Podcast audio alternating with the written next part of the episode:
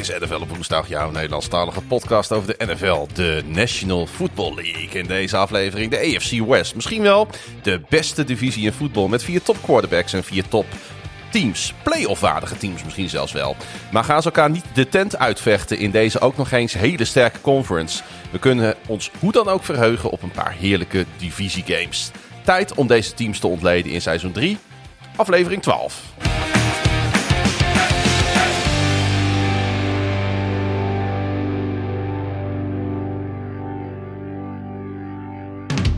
En net als de vorige preview podcast uh, neem ik hem op uh, afstand op. En had ik de vorige keer nog uh, connectie met Tilburg, nu met Amsterdam. Hallo. Want, ja, ik spreek het uit alsof ik het een hele gekke plaats vind. maar daar zit oud stadje, inmiddels Edu Brooks. Ja, Edu Brook moet ik zeggen, sorry. Dankjewel, dankjewel. Nee, uh, sinds kort weer. Sinds het begin van de maand uh, zit ik weer in Amsterdam. Kom ik ook vandaan, dus het, uh, het voelt weer een beetje als thuiskomen. Maar, maar ja, de reis en de tijd in Groningen zat erop. Studie in de zak, dus dan moeten we door. Ja, gefeliciteerd daarmee. Wat, wat heb je gestudeerd in het prachtige Groningen? Me media Studies. Dus goed passend bij dingen zoals dit. En ik hoop daar in Amsterdam ook zeker meer mee te doen. Dus dat, dat wordt het avontuur uh, voor, uh, voor de aankomende tijd. Uh, misschien, ik heb het wel eens vaker gezegd, volgens mij een keer. misschien dat door deze podcast heen mensen jou wat beter leren kennen. En is dit een soort van open sollicitatie voor de mediawereld? Wie weet, als jullie luisteren, stuur me een bericht. en we kunnen ergens over praten. En ik ben hier ook zeker een en, en graag, uh, ik kom graag. Ja. Dus uh, leuk dat ik weer langs mocht komen om even over de NFL en voetbal te praten. Ja, want waar komt jouw voorliefde voor de NFL, voor American football vandaan? Dat gaat al wel even terug. Maar ik denk dat het oorspronkelijk van Madden, de videogame, komt. en dan Madden 11, de demo, die je gratis kon downloaden op je Xbox 360. En een zomer waarin ik niks te doen had, heb ik dat spel voor een of andere reden helemaal grijs gespeeld. En toen dacht ik van, wow, deze sport is zo vet. Hier wil ik meer over weten.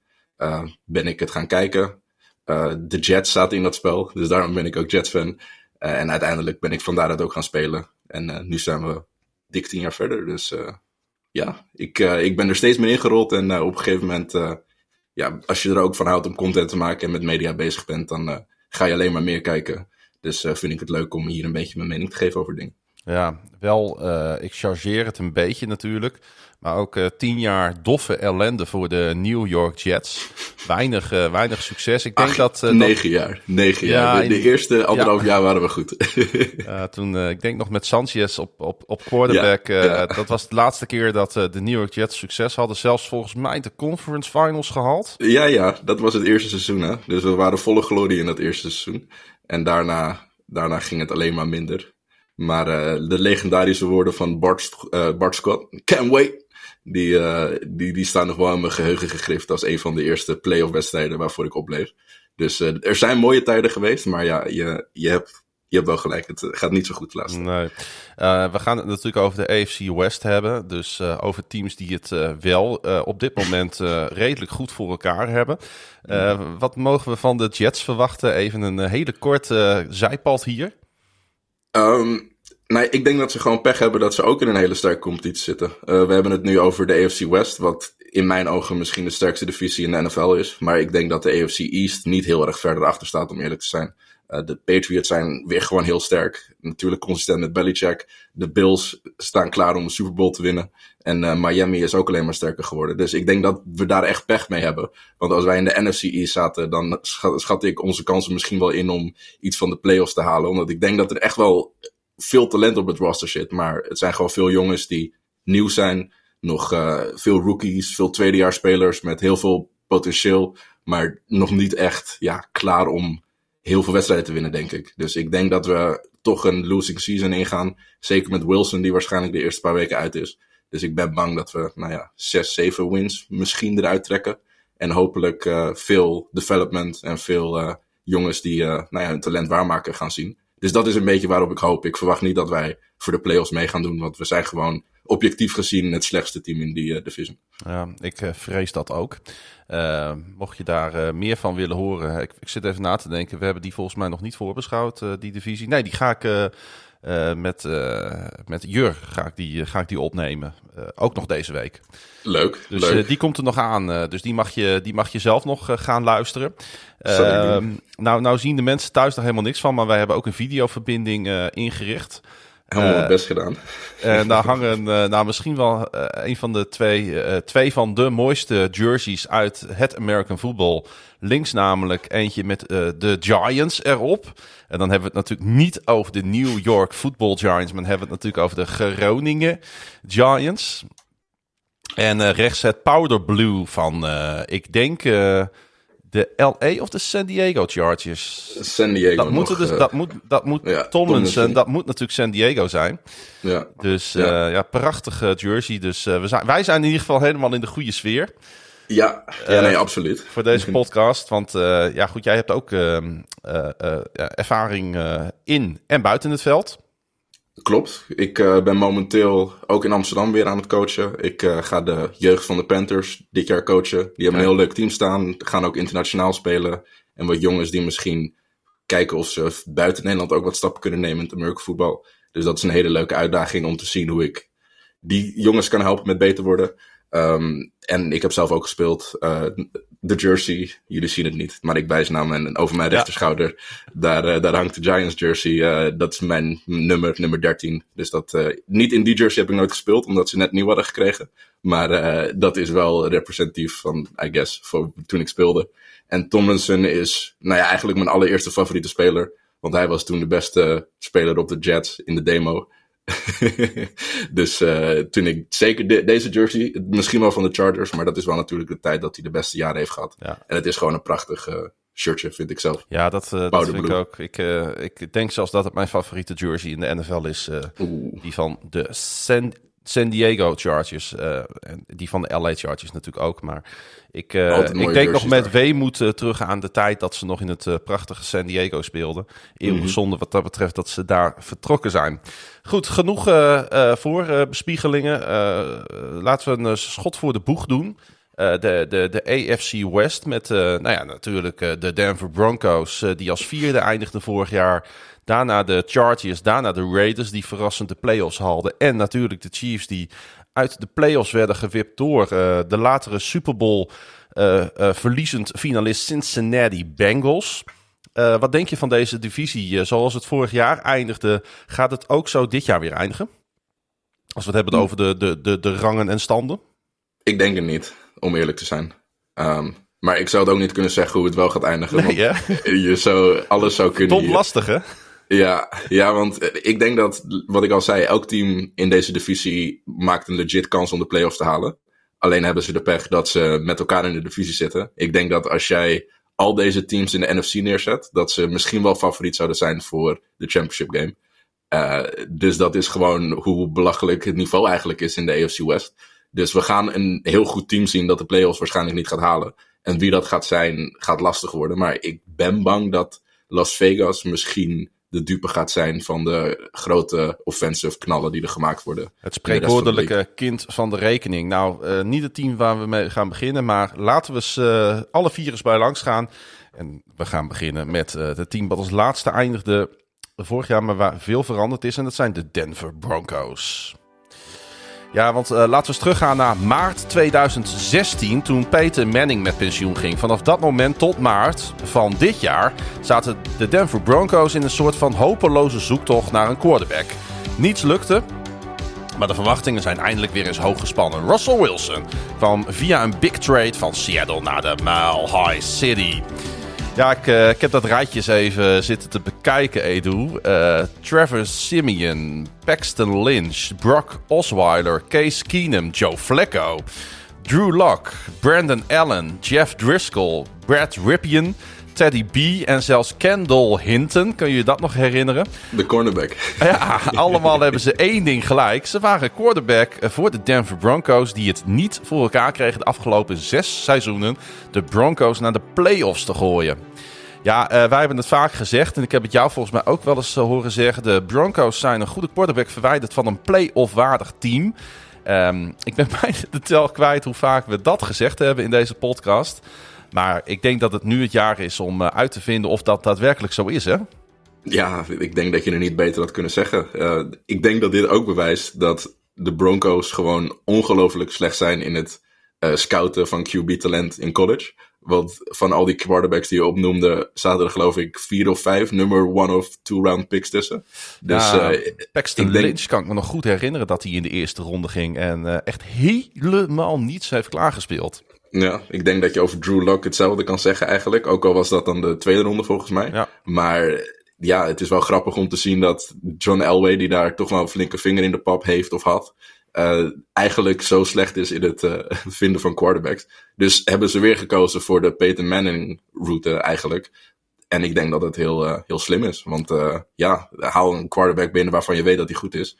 En over het algemeen denk ik dat er goede dingen gaan gebeuren. Zeker als je zo'n getalenteerd roster hebt staan eromheen. Ja, ik durf wel te stellen dat Wilson een van de beste quarterbacks in de afgelopen tien jaar is geweest. Hij won met de Seattle Seahawks een Super Bowl en liet in het reguliere seizoen een 104-53-1 record optekenen. En ondanks dat hij 33 is, ja, uh, ik, kan ik er nog steeds niet bij dat de Seahawks hem hebben laten gaan. Uh, want dat, dat, ik, dat gevoel ga ik ook nooit meer kwijtraken. En ik ben ook echt bang dat ze dat, uh, dat, ze dat in Seattle nog wel gaan voelen dit jaar. Uh, maar voor Wilson zelf, want laten we daar eens op inzoomen, ligt het natuurlijk wel anders dan voor de Seahawks. Want dat hij op zich Denver, voor Denver zijn no-trade clausule heeft, heeft, heeft, heeft gedropt, is mhm. wel begrijpelijk. Hè? Want jij zegt het inderdaad al, het roster is getalenteerd. Ja, het is eigenlijk het tegenovergestelde van wat je zag op de Seahawks. Want ik weet niet of jullie het al over de NFC West gehad hebben, maar de Seahawks gaan heel laag eindigen in die divisie. En ik denk niet dat die veel wedstrijden gaan winnen. Uh, en dan vorig seizoen, als je kijkt naar de Seahawks, toen hadden ze nog wel de verwachting om in ieder geval de playoffs te halen. Ja. Dus het is wel, ja, toch wel bijzonder om te zien hoe belangrijk een quarterback, en zeker een quarterback van de status van Russell Wilson, is voor een team als de Seahawks. En ik denk dat zij gewoon helemaal moeten gaan rebuilden. Dus wat dat betreft vind ik het eigenlijk niet echt een opmerkelijke move. Maar ja, Seahawks fans moeten zich wel gaan voorbereiden op het feit dat ze gewoon slecht gaan zijn voor twee, drie jaar nu. Totdat er weer een nieuwe goede quarterback op gaat staan waar je weer omheen kan bouwen. Want je kan zeggen wat je wilt, uh, Russell Wilson was vrij duur. En je kwam er niet ver mee omdat je hem niet de wapens kon geven. Of het niet lukte om een team eromheen te bouwen. En ja, het is gewoon de reset button voor Seattle. En de Broncos maken daar nu weer dankbaar gebruik van. Misschien wel vergelijkbaar met de Colts ook eigenlijk. Die dynasty die ze toen een beetje hadden met Peter, uh, Peter Manning en dat, ze, dat hij toen naar de Broncos ging, is misschien wel vergelijkbaar met hoe uh, Seattle dat uh, nu doet. Alleen hebben ze geen Andrew Luck die, die ze gelijk konden draften. Maar ja, we gaan zien wat Seattle gaat doen. Maar voor de Broncos is het heel goed, denk ik. Ja, dat denk ik ook. een nieuw tijdperk dus voor Denver. Dat naast de nieuwe franchise quarterback ook een nieuwe headcoach aanstelde. Nathaniel Hackett komt over van de Green Bay Packers, waar hij de offensive coordinator was. En er kwam een nieuwe eigenaar. Uh, Rob Walton kocht het team voor 4,65 miljoen dollar. Uh, miljard moet ik zeggen. Allemaal mogelijk gemaakt natuurlijk door Walmart. hij is de op 17 na rijkste persoon ter wereld, zag ik. Hmm. En hij heeft, er dus, uh, hij heeft dus eindelijk ja, wat alle rijke mannen in Amerika willen. Hij heeft een NFL-speeltje, heeft hij erbij natuurlijk. Um, dus veel veranderingen. En het voelt ook wel een beetje alsof we echt aan, het, uh, aan, aan, de, aan de start staan van een nieuwe era in Denver. Hè? Ja, ik, ik denk dat het goed is voor Denver ook. Um, ik, het is eigenlijk altijd wel een redelijk stabiele franchise geweest, uh, denk ik, in, uh, in de NFL. Maar het echt grote succes is natuurlijk nooit echt teruggekomen na de dagen van Peter Manning. En ik denk dat ze daar gewoon graag terug naartoe willen. En ja, een nieuwe headcoach die in mijn ogen offensive gezien in ieder geval een goede scheme heeft. En zeker met Russell Wilson denk ik een mooie offense kan neerzetten. Het is dan een beetje de vraag van hoe ze de cultuur daar willen gaan bouwen. Maar zover ik weet is de cultuur daar eigenlijk altijd wel heel goed geweest. Gewoon goede defense. Uh, en dan is het misschien slim om nu een jonge, frisse offensive mind erin te zetten. Om op die offensive kant nu ook iets nieuws uh, te doen, als het ware. Dus ik, ik, ik, vind het, uh, ik vind het leuk en interessant om te zien wat ze gaan, gaan doen. De owner, ja, ik kan daar niet zoveel over zeggen. Ik weet niet zo heel veel wat voor invloed dat per se gaat hebben. Maar uh, het is ja, een leuk weetje dat Walmart nu Denver Bronco owned of zo. Ja, wat is eigenlijk wel het geval. En ik zag ook dat allerlei mensen uit de sportwereld en bekende mensen zich ook aansluiten bij die investeerdersgroep op dit moment. Dus het heeft ook een soort van domino-effect. Ja, ik vind het verder ook niet zo interessant. Uh, laten we het vooral hebben over, uh, over Russell Wilson en de Denver Broncos. Um, ze krijgen natuurlijk met Wilson, ja, het een beetje flauw om te zeggen, een soort van ideale schoonzoon. Hè. De beste man uh, is, is eigenlijk nooit te betrappen op een, uh, op een gepeperde opmerking. Uh, super gecommit to the game. Hij had vorig jaar een serieuze vingerblessure en hij was iedere dag 19 à 20 uur bezig met revalideren. Tenminste, dat zei hij zelf. En hij zei over uh, zijn stap naar de Broncos: Ik wilde alleen naar een stad waar ze ook echt voor de win wilden gaan. En naar een stad waar ze ook daadwerkelijk weten wat winnen is. Nou goed, dat hebben op zich de Broncos in het verleden natuurlijk wel laten zien. Um, uh, ja, um, uh, kijk, in, in, in dit grotere geheel der dingen, zeg maar, in de NFL, zijn de Denver Broncos hiermee voor jou ook onmiddellijk een, een van de kandidaten in de AFC om, uh, om ver te komen in de playoffs? Ze zitten in de AFC. Dat is het grootste probleem ja, dat ze hebben, denk daarom. ik. Want ja, het, je doet een gooi. En dat is denk ik ook alles wat het is. Hè? Dat aan het einde van de dag is het reguliere seizoen is gewoon om, om je naam in de hoed te doen. Je, en ervoor te zorgen dat je kans maakt in die playoffs. En ik denk dat ze, als alles goed gaat wat betreft injuries en dat soort dingen, dat ze best een team hebben dat in de playoffs opeens een, een, een soort van run kan maken en heel goed voor de dag kan komen. Dus uh, ik vind het lastig om te zeggen, omdat je, ja, zeker zo voor het seizoen, omdat er zoveel gebeurt. En omdat de playoffs eigenlijk gewoon weer een nieuw seizoen is. Ja. Um, is het. Ik, maar ik denk dat ze, wat ik zeg, ik denk dat ze uh, een kans maken om, om, om mee te doen. En als ze meedoen, waarom niet? Ja, ja de, de, de Bengals stonden ook in de Super Bowl in één keer. Ja, dat is waar. Uh, ja, goed, uh, daar hebben we het over gehad. Die hebben wel danig overgepresteerd, uh, vonden wij. Maar mm, dat, dat, eens, dat, kan, dat, dat, kan natuurlijk ieder team overkomen. We gaan het zo meteen nog wel even over de Raiders hebben. Die hebben dat misschien vorig jaar ook wel gedaan. Uh, ze zijn natuurlijk wat kwijtgeraakt hè, met die trade. niet alleen picks. Hè, een eerste, tweede, vijfde ronde pick voor dit jaar. En een eerste en een tweede ronde pick voor volgend jaar gaan er naar Seattle. Maar ook tight end Noah Fent. Defensive end Shelby Harris en quarterback Drew Lock gingen richting Seattle. Ik denk dat, uh, dat dat op papier wel meevalt. Ik denk dat uh, Noah Vent het, het grootste verlies van de drie is. Want dat vind ik echt wel een getalenteerde tight end. Uh, en verder bleef het eigenlijk, ja, mede natuurlijk door de komst van Wilson relatief rustig in het offseason in Denver. Wel een ja. team dat erom bekend staat dat ze flink geld uitgeven. Nou ja, dat komt nu natuurlijk wat minder. Uh, wel kwam voormalig cowboy pass rusher Randy Gregory voor vijf jaar en 70 miljoen dollar. Uh, en ik denk dat dat ook precies is en was wat de verder prima defense kon gebruiken. Een boost voor de pass rush. Ja. En ze tekenden ook voormalig 49er defensive tackle DJ Jones voor drie jaar en 30 miljoen dollar. Ook elders wat veranderingen in de defense. Cornerback Quan Williams kwam ook over van San Francisco. En moet Kyle Fuller vervangen, die dit jaar in Baltimore rondloopt. Um, ja, uh, sowieso uh, was het off-season. Ik weet niet of jij dat ook zo ziet, los van Wilson. Eigenlijk gericht op defense. Dat is best wel gek om te constateren bij de komst van zo'n grote quarterback. Vier van de eerste vijf draft picks waren voor die kant van de bal. En hun top pick was edge rusher Nick Bonito in de tweede ronde. Uh, zijn college was Oklahoma. Uh, ja, ze moesten natuurlijk wel iets spijkeren aan die defense. Waar ze de afgelopen jaren, hè, die was natuurlijk op een gegeven moment op topniveau. Alleen dat had geen zin, omdat ze aan de aanvallende kant van de bal niks konden doen. Um, even heel gechargeerd gezegd. Um, maar uh, ja, als je nu kijkt naar hoe ze het gebouwd hebben, hoe ze de gaten gevuld hebben, hoe ze met vers bloed. Ik vind met name de komst van Gregory vind ik echt een waanzinnige ja. signing. Ik weet niet wat daar exact gebeurd is, maar het schijnt dat de Cowboys en Gregory ongelooflijk dicht bij een uh, verlenging waren. En dat het is misgelopen. Ik denk op gegarandeerd geld.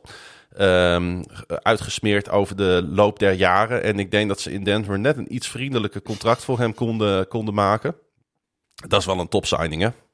Ja, nee, absoluut. En de Cowboys-fans bedanken Ezekiel Elliott. Want uh, die ja. man houdt zoveel geld vast dat uh, de andere spelers niet betaald kunnen worden. Ik bedoel, Cooper was ook al weggegaan natuurlijk.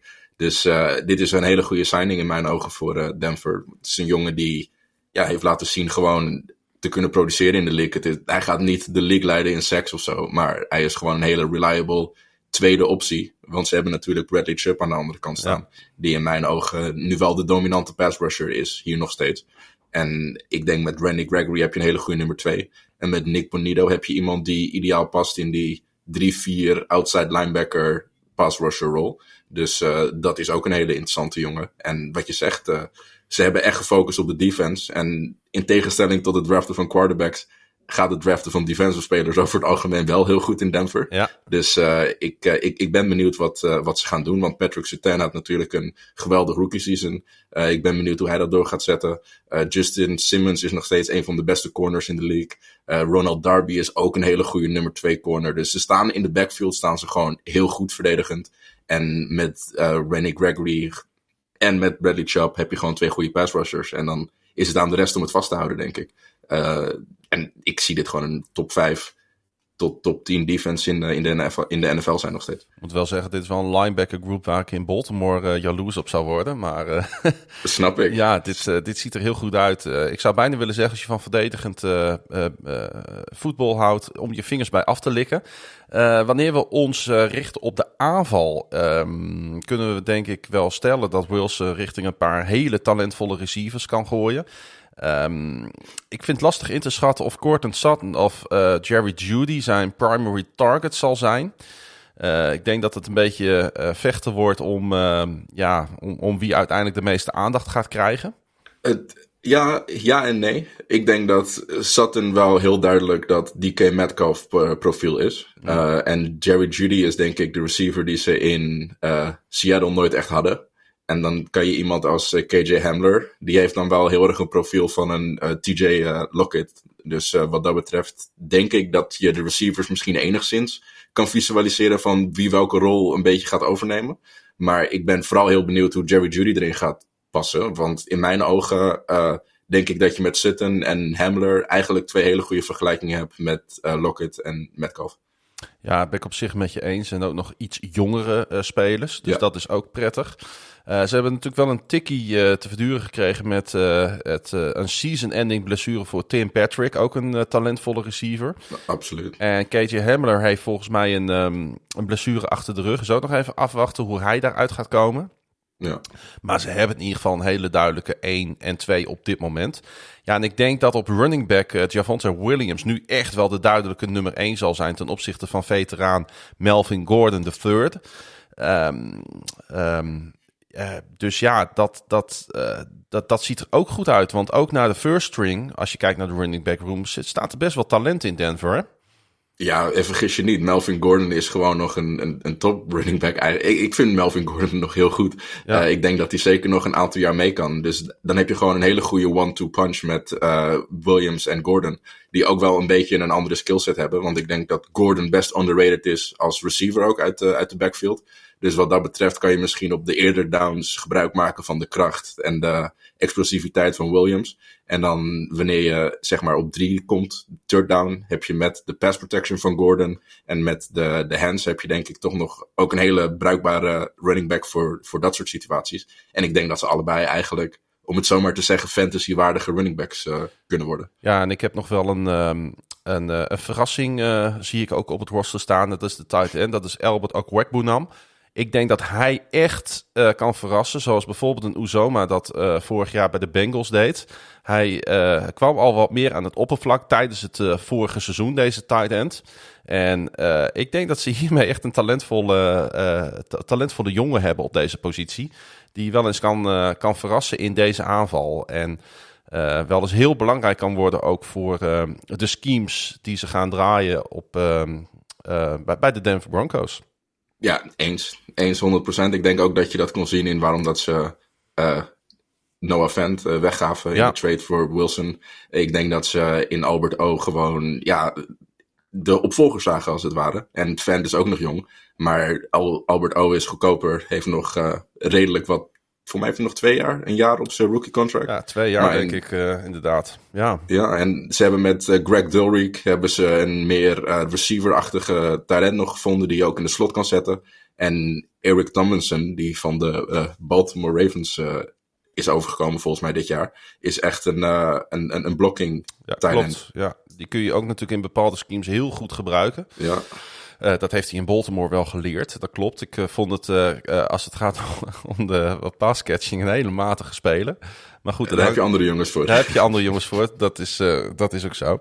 het is wel grappig dat je hem Albert O noemt, want hij heeft natuurlijk een hele lastige achternaam. Het is niet dat hij een zedendelinquent is of zo, hè, dat we zijn achternaam niet mogen noemen. Oku Ebunam. Oku Ebunam. Oku ik bedoel, ja. Met mijn roots vind ik dat ik dat moet kunnen uitspreken. Dat maar ik waar. dacht, ik laat de luisteraar het makkelijker maken ook, dat zij het ook kunnen zeggen. Ja, hey, en, uh, want laten we ook dan nog een klein puntje van, uh, van nou, kritiek of zorgen plaatsen. Uh, Wilson heeft deze spelers ook wel echt allemaal nodig, hè, want hij rent echt niet meer zoals in vroegere tijden. Um, mocht hij trouwens onverhoopt geblesseerd raken, dan kunnen de Broncos terugvallen op journeyman Josh Johnson, die 36 is en een voormalig vijfde ronde pick is in de draft van 2008. Het jaar van uh, Matt Ryan, Chad Henney en natuurlijk Joe Flacco. Uh, Johnson speelde in eerste instantie een paar jaar bij de Box, maar verhuisde daarna 21 keer van team. ik, ik, ben altijd ongelooflijk vatbaar voor dit soort spelers. Vind ik heel erg leuk. Zijn laatste broodheer was trouwens Baltimore, waar hij zelfs een wedstrijd voor speelde. Toen Lamar geblesseerd was en Huntley COVID had. Dus hij heeft een uh, volledig NFL-game vorig, vorig jaar gespeeld, deze man. Ik uh, moet je eerlijk zeggen dat, uh, dat ik wel respect heb inderdaad ook voor spelers die, ondanks dat ze 21 keer van team zijn veranderd, het toch voor elkaar hebben gekregen om sinds 2008 al in de league te zijn. En uh, nou ja, je kan... Dat is altijd goed om ervaring op backup te hebben. En ik ja, heb dat zag je wel bij de Chiefs en Chad Henney natuurlijk, hè? Ja, precies. Precies, dus wat dat betreft, waarom niet? En het is wel hopen dat Wilson niet geblesseerd raakt. Want dan is het wel weer gewoon, denk ik, misschien wel einde seizoen. Want tenzij de running game heel erg goed gaat werken, denk ik dat het dan heel lastig wordt om zo'n klap op te vangen. Maar uh, mooi dat hij erbij is en uh, wie weet dat hij een Super Bowl uh, wint dit jaar. Nou ja, belangrijk daarvoor is de O-line natuurlijk. En daar zie ik dan wel vraagtekens. Als ik dan ergens kritisch op moet zijn bij het team, dan is het deze linie. ik denk dat het wel even tijd nodig heeft voordat het in elkaar klikt. Enige zekerheidje op het moment van opnemen is voor mij left tackle Garrett Bos. Die er natuurlijk al een paar jaar speelt. En daarnaast wordt het toch, denk ik, guard Dalton Risner met Lloyd Cushenberry op center. Dan uh, Dan. Uh, dan Quinn uh, op right guard en Kelvin Anderson op right tackle. Maar er zijn kapers op de kust. Billy Turner, Tom Compton, die gaan terugkomen. Waarschijnlijk nog niet voor week 1. Um, ehm, dus ik zie niet per se in kwaliteit een probleem, maar wel in stabiliteit. Um, en dat is dan voor mij ook een beetje waar zeg maar, de 2022 Broncos verschillen met de 2020 Buccaneers. Waar uh, Tom Brady al uh, achter een O-line kwam te spelen die al helemaal in elkaar geklikt was. En hier moet het echt nog een beetje gaan ontstaan voor mijn gevoel. Russell Wilson komt uit Seattle, waar ze twaalf jaar lang hem niet hebben kunnen verdedigen met een goede O-line. Dus in vergelijking met alles wat hij daar gehad heeft, is dit echt een enorme verademing, denk ik, voor, uh, voor Wilson. Maar ik ben het met je eens dat ik denk dat ze een goede vijf hebben. Maar zodra er blessures gaan vallen, dan kan het wel eens lastig gaan worden. Ik denk dat de enige echt zwakke plek op de starting line uh, de center is. Ik ben niet zo'n heel groot fan van Cushionberry. Nee. Maar daarbuiten denk ik dat het in ieder geval capable starters zijn. En dat is in Seattle wel anders geweest. Dus uh, ik, ik, ik ben benieuwd hoe, uh, hoe dat eruit gaat komen. Maar ik zie het niet als zwaktepunt. Het is ook niet wat je zegt. Wow, dit is een, een unit van een offensive line. Nee. Maar goed genoeg, denk ik, om ja, in ieder geval uh, Wilson overeind kunnen houden. Goed, uh, gaan we afronden wat betreft de Denver Broncos. Um, ja, in, in, deze conference en in deze divisie is het natuurlijk heel goed mogelijk dat de Broncos een erg goed team zijn, maar toch een playoff plekje mislopen. Sterker nog, de divisie is zo goed dat Denver met een winning record vierde zou kunnen worden. Maar dat geldt eigenlijk voor alle vierde teams in de AFC West, dus dat maakt het zo interessant. Ik vind het daarom ook erg lastig om dit team te voorspellen. Ik denk ook niet dat ze de divisie gaan winnen. Uh, en ondanks dat ik fan ben van Wilson en ook de manier waarop de Broncos het roster hebben gebouwd de afgelopen jaren. En het talent, wat aan beide kanten van de bal is, zet ik ze op um, ehm, 9-8 neer. En dat komt ook omdat het zwaartepunt van hun schema aan het einde van het jaar ligt met road games in Baltimore, in LA tegen de Rams en in Kansas City. Um, Dus daarom uh, ben ik op dit moment behoudend als het gaat om hun uh, eindscore over 17 wedstrijden. Ja, ik vind het altijd heel lastig om aan dat soort voorspellingen te wagen. Omdat een seizoen, er kan zoveel gebeuren. Maar het is wel leuk om te doen. En het seizoen is... is... nog niet begonnen. En weet je, over een paar weken is iedereen dit alweer vergeten. Dus je kan zonder oh, gêne, mag jij een record oh, uh, erin oh, Absoluut. Ik, ik zat alleen te denken of hoe, hoe heet ik de take moest maken. Want 12 wedstrijden, playoff team, nummer 2 in de divisie. Ik denk dat dat... Uh, Jij geeft dat 12 overwinningen? Ja, maar ik heb het schema niet voor me. Maar ik heb wel Broster voor me. Ja. Maar, dus ik zeg 12. Je gaat een beetje hoger dan jou, drie wedstrijden hoger. Ik denk dat dit team gaat verrassen. Okay. Omdat het gewoon een supergoed team is. Niemand wil tegen de Broncos spelen, man. Dus uh, ik denk dat ze ook in de divisie kunnen verrassen. Um, dus uh, bij deze misschien wel een van de hetere takes deze episode. Dat de Denver Broncos de playoffs gaan halen. En met een nou ja, 12 en 5 zeker. 12 en 5. Over uh, hete takes gesproken. Ergens uh, gunde ik het de Raiders enorm, maar wilde ik als in dit geval neutrale voetbalkijker ook Justin Herbert in de playoffs zien. Hoe dan ook, die week 18 wedstrijden tussen, uh, wedstrijd tussen de Las Vegas Raiders en de Los Angeles Chargers was natuurlijk precies wat we willen in deze sport en deze league. En het geeft ook aan hoe goed het format is. Spanning tot het einde.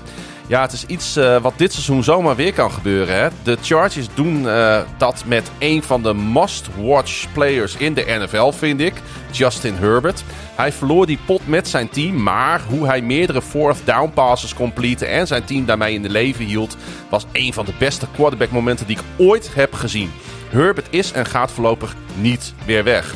Ja, je zou kunnen zeggen dat het uh, moment dat de Chargers hem kozen als zesde overall in 2020 een franchise-changing pick is geweest. Hè? Ze zullen wat dat betreft zich ook nog wel eens achter de oren krabben in Miami. En, uh, wat, ik zelf, lange intro voor, de, voor de Chargers. Maar ik moest gewoon gelijk terugdenken aan die wedstrijd van uh, vorig jaar. Die week 18 wedstrijd. Dat, dat is ook de meest Chargers wedstrijd, denk ik. Uh, dat symboliseert voor mij de Chargers over de laatste paar. Misschien wel Decennia, ja. Ja. De Falcons van de AFC zijn het. Nou noem ik trouwens wel echt, nou noem ik Miami net, die zich achter de oren zullen krabben. Maar we moeten niet vergeten dat ook de Bengals, de Commanders, de Lions uh, en de Giants Herbert hebben laten lopen. De Bengals moeten we hier natuurlijk wel een joker geven, omdat ze iemand hebben gekozen die ook best wel goed bleek te zijn. Oh.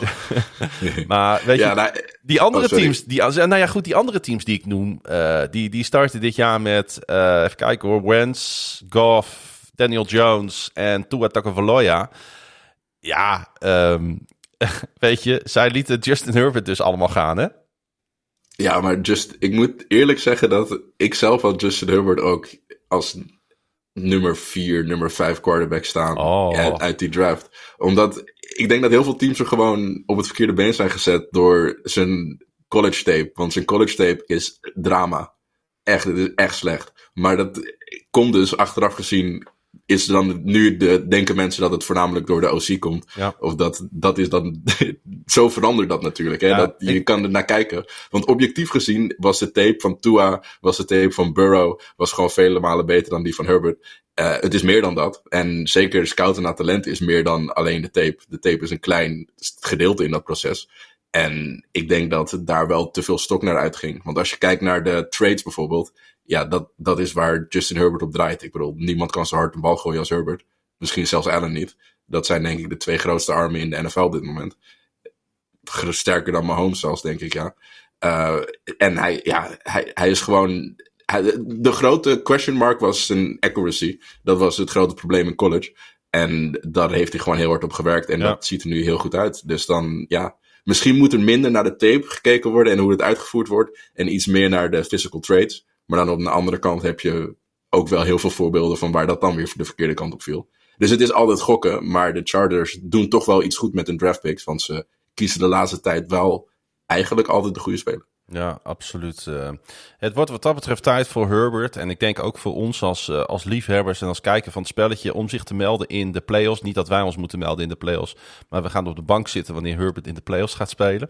En we kunnen wel stellen dat de Chargers momenteel een team hebben waarmee dat kan. Dat komt natuurlijk mede doordat het team nu nog een uh, blue chip quarterback heeft op een rookie deal. Voor nu is de cap hit 7,25 miljoen dollar.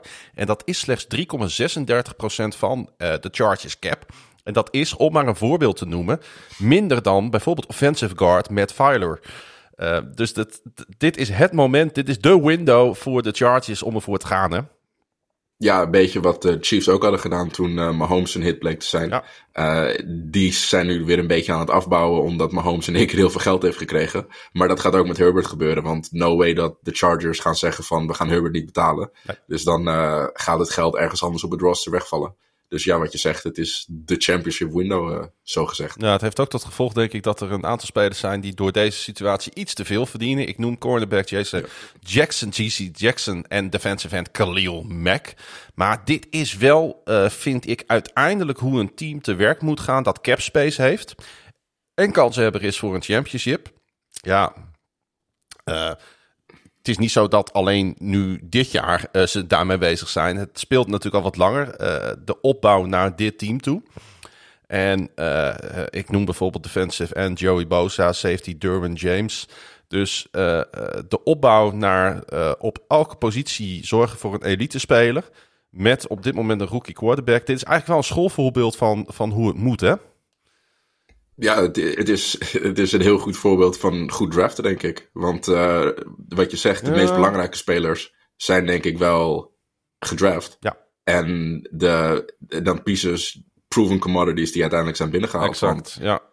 Uh, en ik denk inderdaad dat zeker als je QB op een rookie contract is, dat dat the way to go is als je denkt van dat je een Super Bowl kan winnen. Want ja, Khalil Mack verdient misschien een beetje te veel voor uh, zijn leeftijd, maar mm. je kan er niet omheen dat het nog steeds een enorme wildcard is en een top pass rusher kan zijn met een goed seizoen. JC Jackson heeft laten zien dat hij een hele goede cornerback is. Dus ik, het zijn gewoon jongens waar je iets aan hebt die je er gelijk bij haalt. Dus Joseph Day heeft ook met de Bengals en met de Rams in uh, volgens mij in Super Bowls gestaan. Dus dat is ook iemand die er, die er geweest is. Dus ja, ik denk dat wat dat betreft uh, dat er wel dat er zeker wat hoe heet het in zit dat het goede moves zijn, inderdaad. En dat het een goed voorbeeld ja. is van. Je hebt een goede QB en bouw er een team omheen. Nee, want je laat zijn naam vallen. Inderdaad, defensive tackle Sebastian Joseph Day uh, kwam, over van, uh, ja, kwam over van stadsgenoot uh, Rams. Dus die ja. heeft inderdaad uh, Super Bowl ervaring. En Austin Johnson kwam over van de New York Giants. En ja, ik denk dat zij ook een, met name de boost zijn voor de run defense. Waar zo halsrijkend naar werd uitgekeken bij Absoluut. de Chargers. Uh, ja, als we kijken naar het receiver duo, hè, Keenan Allen en Mike Williams, ja, uh, ontegenzeggelijk een van de top receiving duo's in de NFL. Uh, beide spelers speelden in 2021 16 wedstrijden en waren gecombineerd goed voor 182 catches en 2284 yards op 286 targets. Hoe Mike Williams gaat de komende drie jaar 60 miljoen verdienen. Um, Iets wat trouwens ongetwijfeld weer niet mogelijk was geweest als Herbert alle megacontract had gehad. Dus mm-hmm. hier zien we ook weer uh, waar we het net over hadden. Ja, Keenan Allen en Mike Williams op je roster. Jij als uh, wide receiver man, als uh, wide receiver coach. dit is toch de natte droom wat dat betreft van iedere OC en iedere quarterback? Heerlijk complementair aan elkaar. Je hebt met Mike Williams gewoon de reus aan de zijkant die uh, elke jumping bal wint en ook nog eens heel hard kan rennen. Uh, Keenan Allen is niet bij te houden op routes, dus die weet iedereen af te schudden op, uh, op die manier en wordt nu in de slot gezet. Dus waar die misschien wat van snelheid en explosiviteit verliest, die hij sowieso al niet heel erg had, kan hij nog steeds als een hele slimme technische route runner te werk gaan en is hij eigenlijk altijd open. En dan is het een beetje de vraag wie de anderste buitenste receiver gaat worden. Ik denk dat Joshua Palmer een goede kans maakt. Die vorig jaar een redelijk rookie seizoen had. Uh, maar ik moet je ook zeggen dat als je twee jongens hebt die zoveel aandacht tot zich trekken. Is het heel fijn om dan de derde receiver te zijn. Dus uh, zeker met een QB als Herbert. Is het gewoon goed voor de Chargers om zoveel wapens te hebben. Want ook op tight end hebben ze denk ik twee jongens. Misschien wel drie. Die ook gevaarlijk kunnen zijn. Dus het is gewoon een heel gebalanceerd team. En de receiver, de receiving game is daar misschien wel de kroon van. Uh, van, van, van spelers die gewoon goed genoeg zijn om een team verder in de playoffs te halen. En dan hebben we één speler nog niet genoemd. Dat is natuurlijk Austin Eckler. Een geweldige running back mhm. die perfect past in uh, waarin de offense zich in de NFL naartoe evolueert. Hij noteerde vorig jaar career, career high, uh, highs in carries, 206 maar liefst. Rushing yards, 911. Rushing touchdowns, 12 stuks. En offensive snaps, 688. En hij was ook nog eens goed voor 70 catches voor meer dan 600 yards. Met daarbij ook nog eens 8 scores. Ja, als je ook nog, ik zou bijna willen zeggen, je hebt geen schemes genoeg om al deze spelers te bedienen. Ja, ik, ik denk dat het heel goed past. Want je moet ook. Uh, de OC nu is uh, Joe Lombardi. Die eigenlijk zijn hele leven bij de, uh, bij de Saints heeft gezeten. En daar nu ook vandaan komt. Um, en als je kijkt naar de spelers die de Saints hadden in hun hoogtijdagen. En die vergelijkt met wat dit roster heeft. Denk ik dat Austin Eckler een hele goede Elvin Kamara-achtige speler is. Mike Williams kan de. Michael Thompson. Ach, ik, hij heeft zo lang niet gespeeld. Help me even. Nummer 13. Guard Mike. Uh, wat is de achternaam van Mike op de Saints receiver? Um, uh, ja. Michael. Michael, uh, Michael. Thomas. Michael Thomas. Sorry, ik moest ook even nadenken.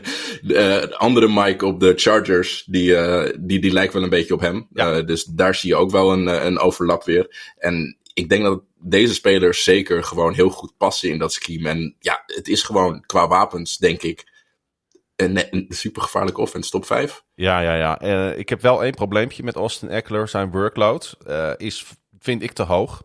Uh, het is wachten op problemen, op blessures, wanneer de Chargers zo op hem blijven leunen. En daarom draften de Chargers ook een running back, Isaiah Spiller. Die naast een runner ook een prima passcatcher is. Ik zou niet willen zeggen dat hij een kopie is. En er moet nog heel wat aan geschaafd worden aan deze jongen. Volgens mij was hij ook een zevende ronde pick, weet ik niet zeker. Hij was in ieder geval late, uh, een late pick. Maar ze zijn dus al een beetje aan het voorsorteren wat dat betreft op het feit dat, uh, dat ze iets meer, als het om de backfield gaat, de workload moeten gaan verdelen. Hè? Want wat, dit is bijna, dit, dit, dit hou je in dit spelletje bijna niet vol, hè? Zijn, zijn, zijn productie. Nee, nee. En ik denk ook dat, uh, dat dat de Chargers eigenlijk op zoek waren naar de, om de Saints vergelijking maar uh, in leven te houden. Naar een soort van uh, Ingram ernaast. Uh, dat er een one-two punch kan komen. En misschien niet met zoveel speeltijd als Mark Ingram destijds deed bij de, bij de Saints. Nee. Maar je hebt sowieso een speler nodig om Austin af te kunnen wisselen. En als je gewoon iemand hebt die op first en second down een paar keer de bal kan rennen zonder, nou ja, iets slechts te doen. Ja. en de, de change gewoon kan bewegende kan houden, dan heb je denk ik al genoeg. En Spiller was een jongen met redelijk wat uh, naam en redelijk wat uh, upside toen hij uit het college kwam dit jaar. Mhm. Maar wat je zegt, volgens mij is hij uiteindelijk uh, redelijk laat pas gekomen in ronde. Ik, de pagina opent nu. In de. nee, het is niet de goede pagina. Maar hij had een second, third round projection. Dus wat dat betreft is het een speler waar in ieder geval een beetje bas omheen zit. En zeker een running back uh, die ook voor fantasy misschien interessant kan zijn. Om het nog maar een keer ertussenheen te sprinkelen. Ja, absoluut uh, mee eens. De O-line is natuurlijk al een tijdje work in progress. Maar dit jaar eindelijk echt aangepakt. Het werd tijd. Um, ik zou bijna willen zeggen, de line-problemen stammen nog uit de tijd dat Philip Rivers moest presteren van achter een dramatische linie. En ook Herbert had het natuurlijk vaak lastig dat er wel ja, hij de best presterende quarterback under pressure was in zijn rookie-seizoen. In 2021 kwamen al uh, Corey Linsley, met Filer en Rashawn Slater. En dit jaar gebruikten de Chargers hun 17e pick voor, ik denk, de beste guard van de klas, Zion Johnson.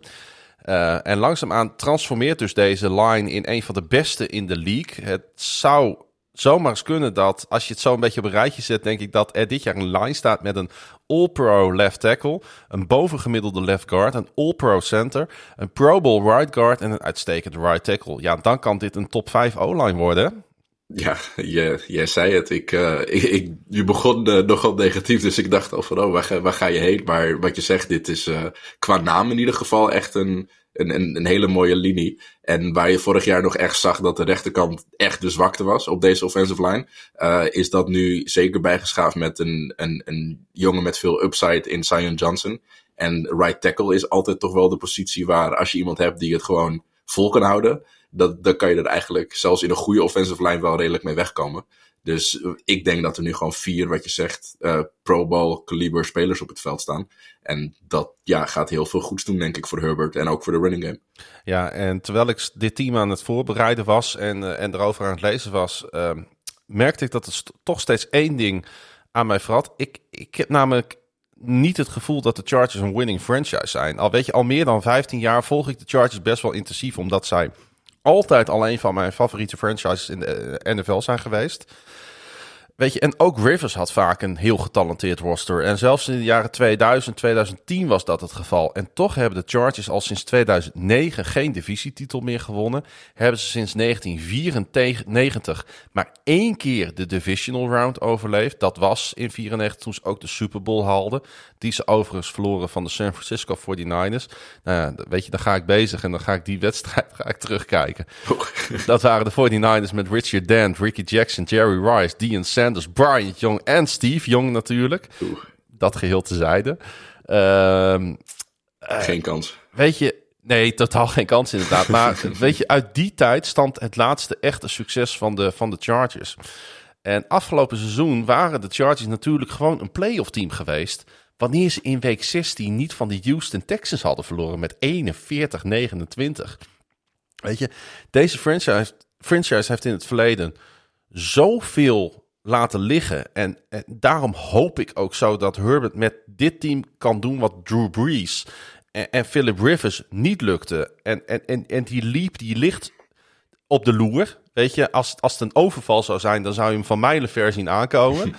uh, weet je, en ik, ik denk echt wel dat dit team als geheel enorm kan profiteren. Ook van Brandon Staley's tweede jaar. Vorig jaar was het best lastig met COVID-perikelen verstoord preseason. Maar dit jaar heb ik het gevoel dat er rust is, dat er stabiliteit eh, is. Um, en snap je toch dat ik ergens in mijn achterhoofd vreet dit team aan mij, om, omdat het ze al sinds hun oprichting ongeveer niet lukt om een winning franchise te zijn. Een van de redenen dat ik zo enthousiast was over de Broncos is precies dat. Want als je daar, we zijn nu over het roster gegaan en dan is het van ja, All-Pro hier, All-Pro daar, uh, super talentvolle speler hier, ja. super talentvolle speler daar. Maar geloof mij, wat er gaat gebeuren is dat we zitten in week 13, 14. Er zijn er drie of vier uh, belangrijke spelers geblesseerd geraakt. Want dat gebeurt ook altijd bij de Chargers. Ja. Dat een van hun beste spelers opeens niet meer kan spelen. Dus ik ben bang dat er gewoon met off-the-field bullshit. En ook met een Staley die. Ja. Ze hebben ook altijd head coaching wise. Doen de head coaches ook gewoon altijd een beetje rare dingen soms. Want ik kan me ook nog herinneren, dat was dat tegen de, dat was tegen de Raiders, toch? Ja. Dat, hij er, dat hij ervoor ging opeens. Of ik weet niet nee, precies wat het scenario ik weet, was. Ik weet wat je bedoelt. Hij kreeg heel veel kritiek op, op de time-out die hij nam tijdens de overtime Juist. tegen de Raiders. En een gelijkspel zou natuurlijk beide teams toen naar de playoffs hebben gestuurd. Maar de Raiders die uh, renden voor 10 yards, hebben een hele goede kicker. Scoorden een winnende field goal. Uh, maar ik ben nog altijd van mening dat uh, niet de time-out leidde tot die field goal, maar die 10 toegestane yards. Dat was het probleem. Dat de Chargers de run niet konden stoppen. Weet je, die, ja. die time-out niet per se. Alleen in de heat of the moment heeft hij natuurlijk best wel uh, veel verkeerde beslissingen gemaakt. Hij, uh, in diezelfde wedstrijd gingen de Chargers ervoor op een 4 en 1 op hun eigen 18. Hadden ze niet. En nou zie je wel dat um, uh, coaches veel vaker dan vroeger natuurlijk voor die 4 en 1 situaties gaan. Maar hij heeft een beetje die, die 2016 Doug Peterson agressie heeft hij in zich. Als je begrijpt wat ik bedoel. Ja. En uh, uh, dat is niet altijd slim. Nee, nee, dat, dat is het gewoon. Alleen, uh, weet je, als hij leert van zijn fouten. En, dan, dan, en hij, hij gaat iets slimmer om met dat soort momenten. Dan heb ik eigenlijk best wel vertrouwen in dat, uh, dat, dat zij gaan profiteren van. Uh, weet je, ja, ze hadden natuurlijk ook op basis van die paar fouten hadden ze, hadden ze hem eruit kunnen schoppen. Nou, had je weer met ja. een nieuwe headcoach moeten beginnen. Ja, maar Daar was ik ook geen dat, voorstander van geweest. Dat doen ze ook niet, want het is gewoon een verstandige franchise. Daar is het probleem niet zo nee. Maar ze hebben gewoon, ik weet niet of het een vloek is of wat het is, maar het gaat gewoon nooit goed. En ik denk dat het dit jaar weer gaat gebeuren. Ja. Ik, ik, ik zei het al aan het begin, de Atlanta Falcons van de AFC. Maar uh, dit doet mij heel erg denken aan toen de Atlanta Falcons een ongelooflijk getalenteerd roster hadden. Zo'n, nou ja, wat was het? Zeven, acht jaar geleden. Ja. En toen zij uiteindelijk op het hoogtepunt van het roster de Super Bowl verloren. Uh, ik ben bang voor Chargers fans dat er met een beetje pech vergelijkbare scenario's kunnen gaan plaatsvinden. Want ik weet niet wat het is, maar de Denver Broncos komen altijd een stuk beter voor de dag dan een roster eruit ziet. Terwijl dit team altijd uiteindelijk het een stuk slechter doet dan dat het roster eruit ziet. Dus ondanks dat dit een heel leuk team gaat zijn om naar te kijken, verwacht ik soms shenanigans die, uh, ja, waardoor ze een reden dat ze het niet gaan halen. Ik weet niet wat het gaat zijn, maar er gaat iets zijn. Nee, ik heb dat gevoel ergens ook, maar ik ga even dat gevoel parkeren. ze hebben een van de beste rosters in de NFL, zo niet. Ik ga het gewoon zeggen, het beste roster. Hmm. Uh, ze spelen uh, vijf keer primetime dit jaar. Uh, spelen de eerste Thursday Night Football game op Amazon. Week 2 is dat tegen de Chiefs. Oh. ja, dat is al een wedstrijdje om voorop te blijven. ze zijn hotter dan hot. Herbert is nu al kandidaat voor MVP. En het is misschien raar, een team dat vorig jaar de playoffs niet haalde, nu de Super Bowl in te praten. Maar ik denk dat het kan. Dat betekent alleen niet dat het ook gaat gebeuren. Maar ik ga de Chargers op een 14-3 uh, record zetten. En een number one seed overall. Zo, ja, nee, dat, uh, dat zou kunnen met dit roster. Ja, het is, het is, niet, het is niet raar. weet je, uh, ze zitten in de divisie bij Las Vegas en dat betekent dat je soms gewoon all-in moet gaan. Ja, ja, goeie, goeie. Nee, ik, ik denk dat ze wel net niet, net wel, net niet de, de playoffs gaan halen. Dus waar ik zei bij Denver 12, denk ik dat dit een 9 of 10 win team gaat zijn uiteindelijk. En het met wat flukes en vervelende blessures. Joey Bosa, die bijvoorbeeld een tijdje niet kan spelen. Uh, Derwin James raakt ook altijd geblesseerd. Dus zulke, zulke, zulke kleine dingetjes die ze lastig gaan vallen. Want uh, ja, wat je zegt, het roster is geweldig. Maar de divisie is ook gewoon knijtergoed. Dus het is niet zo dat je als je een steek laat vallen, dan kan je in één keer een wedstrijd van de Raiders, de Chiefs of de Broncos verliezen. Dus ik denk dat ze het gewoon in de divisie onverwacht slecht gaan doen en dat ze daardoor de playoffs niet gaan halen. Goed, dat uh, staan wij hier uh, dus, uh, ik wil niet zeggen lijnrecht tegenover elkaar, maar toch wel behoorlijk. Ja, goed, ik vind ook dat je, weet je, in een preview show moet je ook af en toe een hot take neerleggen. Ik was de eerste paar afleveringen een beetje voorzichtig, heb ik bijna ieder team op 8-9 of 9-8 gezet, omdat 8-8 niet meer kan. Ja. Dus uh, ik denk, ik spring eens een keer uit de band uh, met de Chargers. De, de playoffs halen klinkt misschien, misschien, niet halen klinkt misschien heel erg hard of zo. Maar als je kijkt naar de AFC, als je nummer drie bent in je divisie en je hebt niet 11, 12 wins, of tegen in ieder geval 10, dan kan je zomaar buiten de boot vallen. Ja. En zo'n scenario, wat je zegt over hot takes, waar jij zegt van uh, de Chargers gaan de, de divisie of de, de AFC binnenhalen, uh, denk ik dat ze teleur gaan stellen een beetje. Ja, ze, dus, kunnen, ze kunnen natuurlijk ook een beetje de Titans van dit jaar worden. Hè?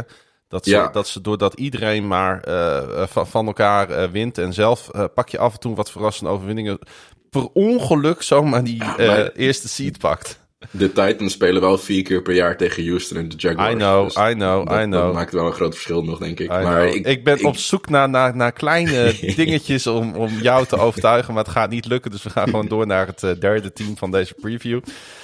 Ja, de Raiders uh, die gingen afgelopen jaar 10-7 en hadden eigenlijk de Cincinnati Bengals moeten verslaan in de playoffs. Ze kwamen 9 yards tekort om gelijk te maken in de wildcard game.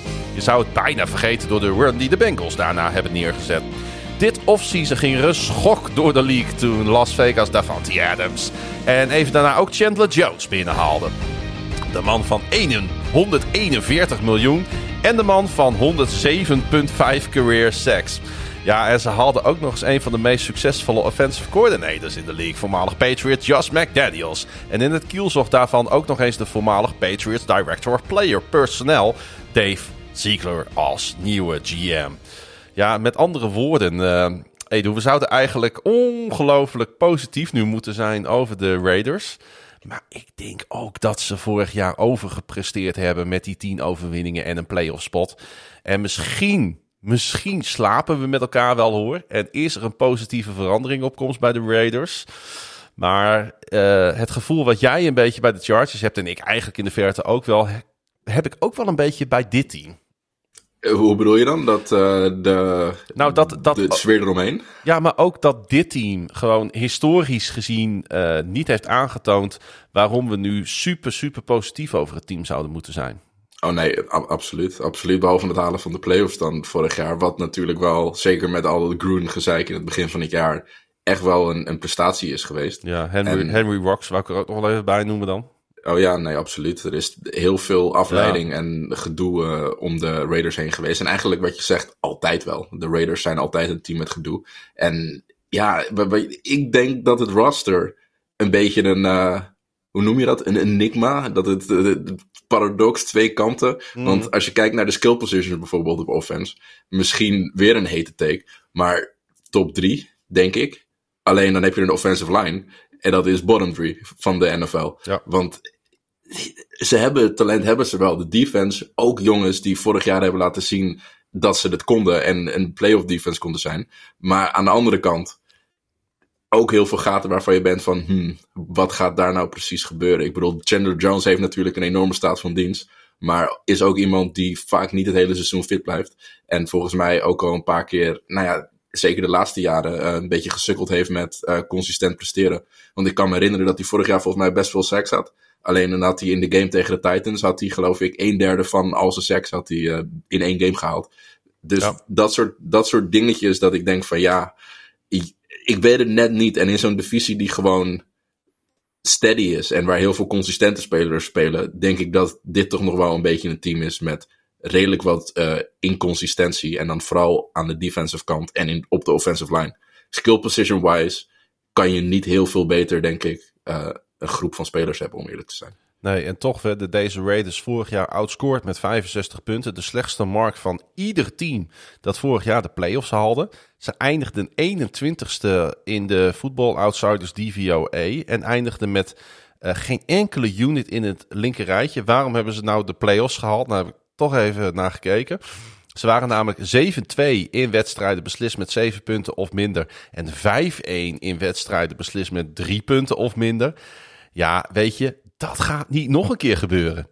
Alle credits hoor voor de manier waarop de Raiders zich met al die ellende die wij net benoemden buiten de lijnen van het veld hebben vastgebeten in dit seizoen, in het vorige seizoen. Maar weet je, eh, zoveel groene stoplichten gaan ze dit jaar natuurlijk niet krijgen. Hey, eh, Nee. even, even, toch even stilstaan bij eh, de- die, die trade van, van, van, van Adams. Een moment van je welste natuurlijk. De Raiders die stuurden hun eerste ronde draft pick, eh, 22 overall en hun tweede ronde 53 overall naar Green Bay. Niet eens dramatisch veel of zo voor een receiver die vijf op één volgende Pro Bowls op zijn naam heeft staan en de afgelopen twee seizoenen All Pro was. Ehm, seizoenen waarin hij Hall of Fame numbers produceerde.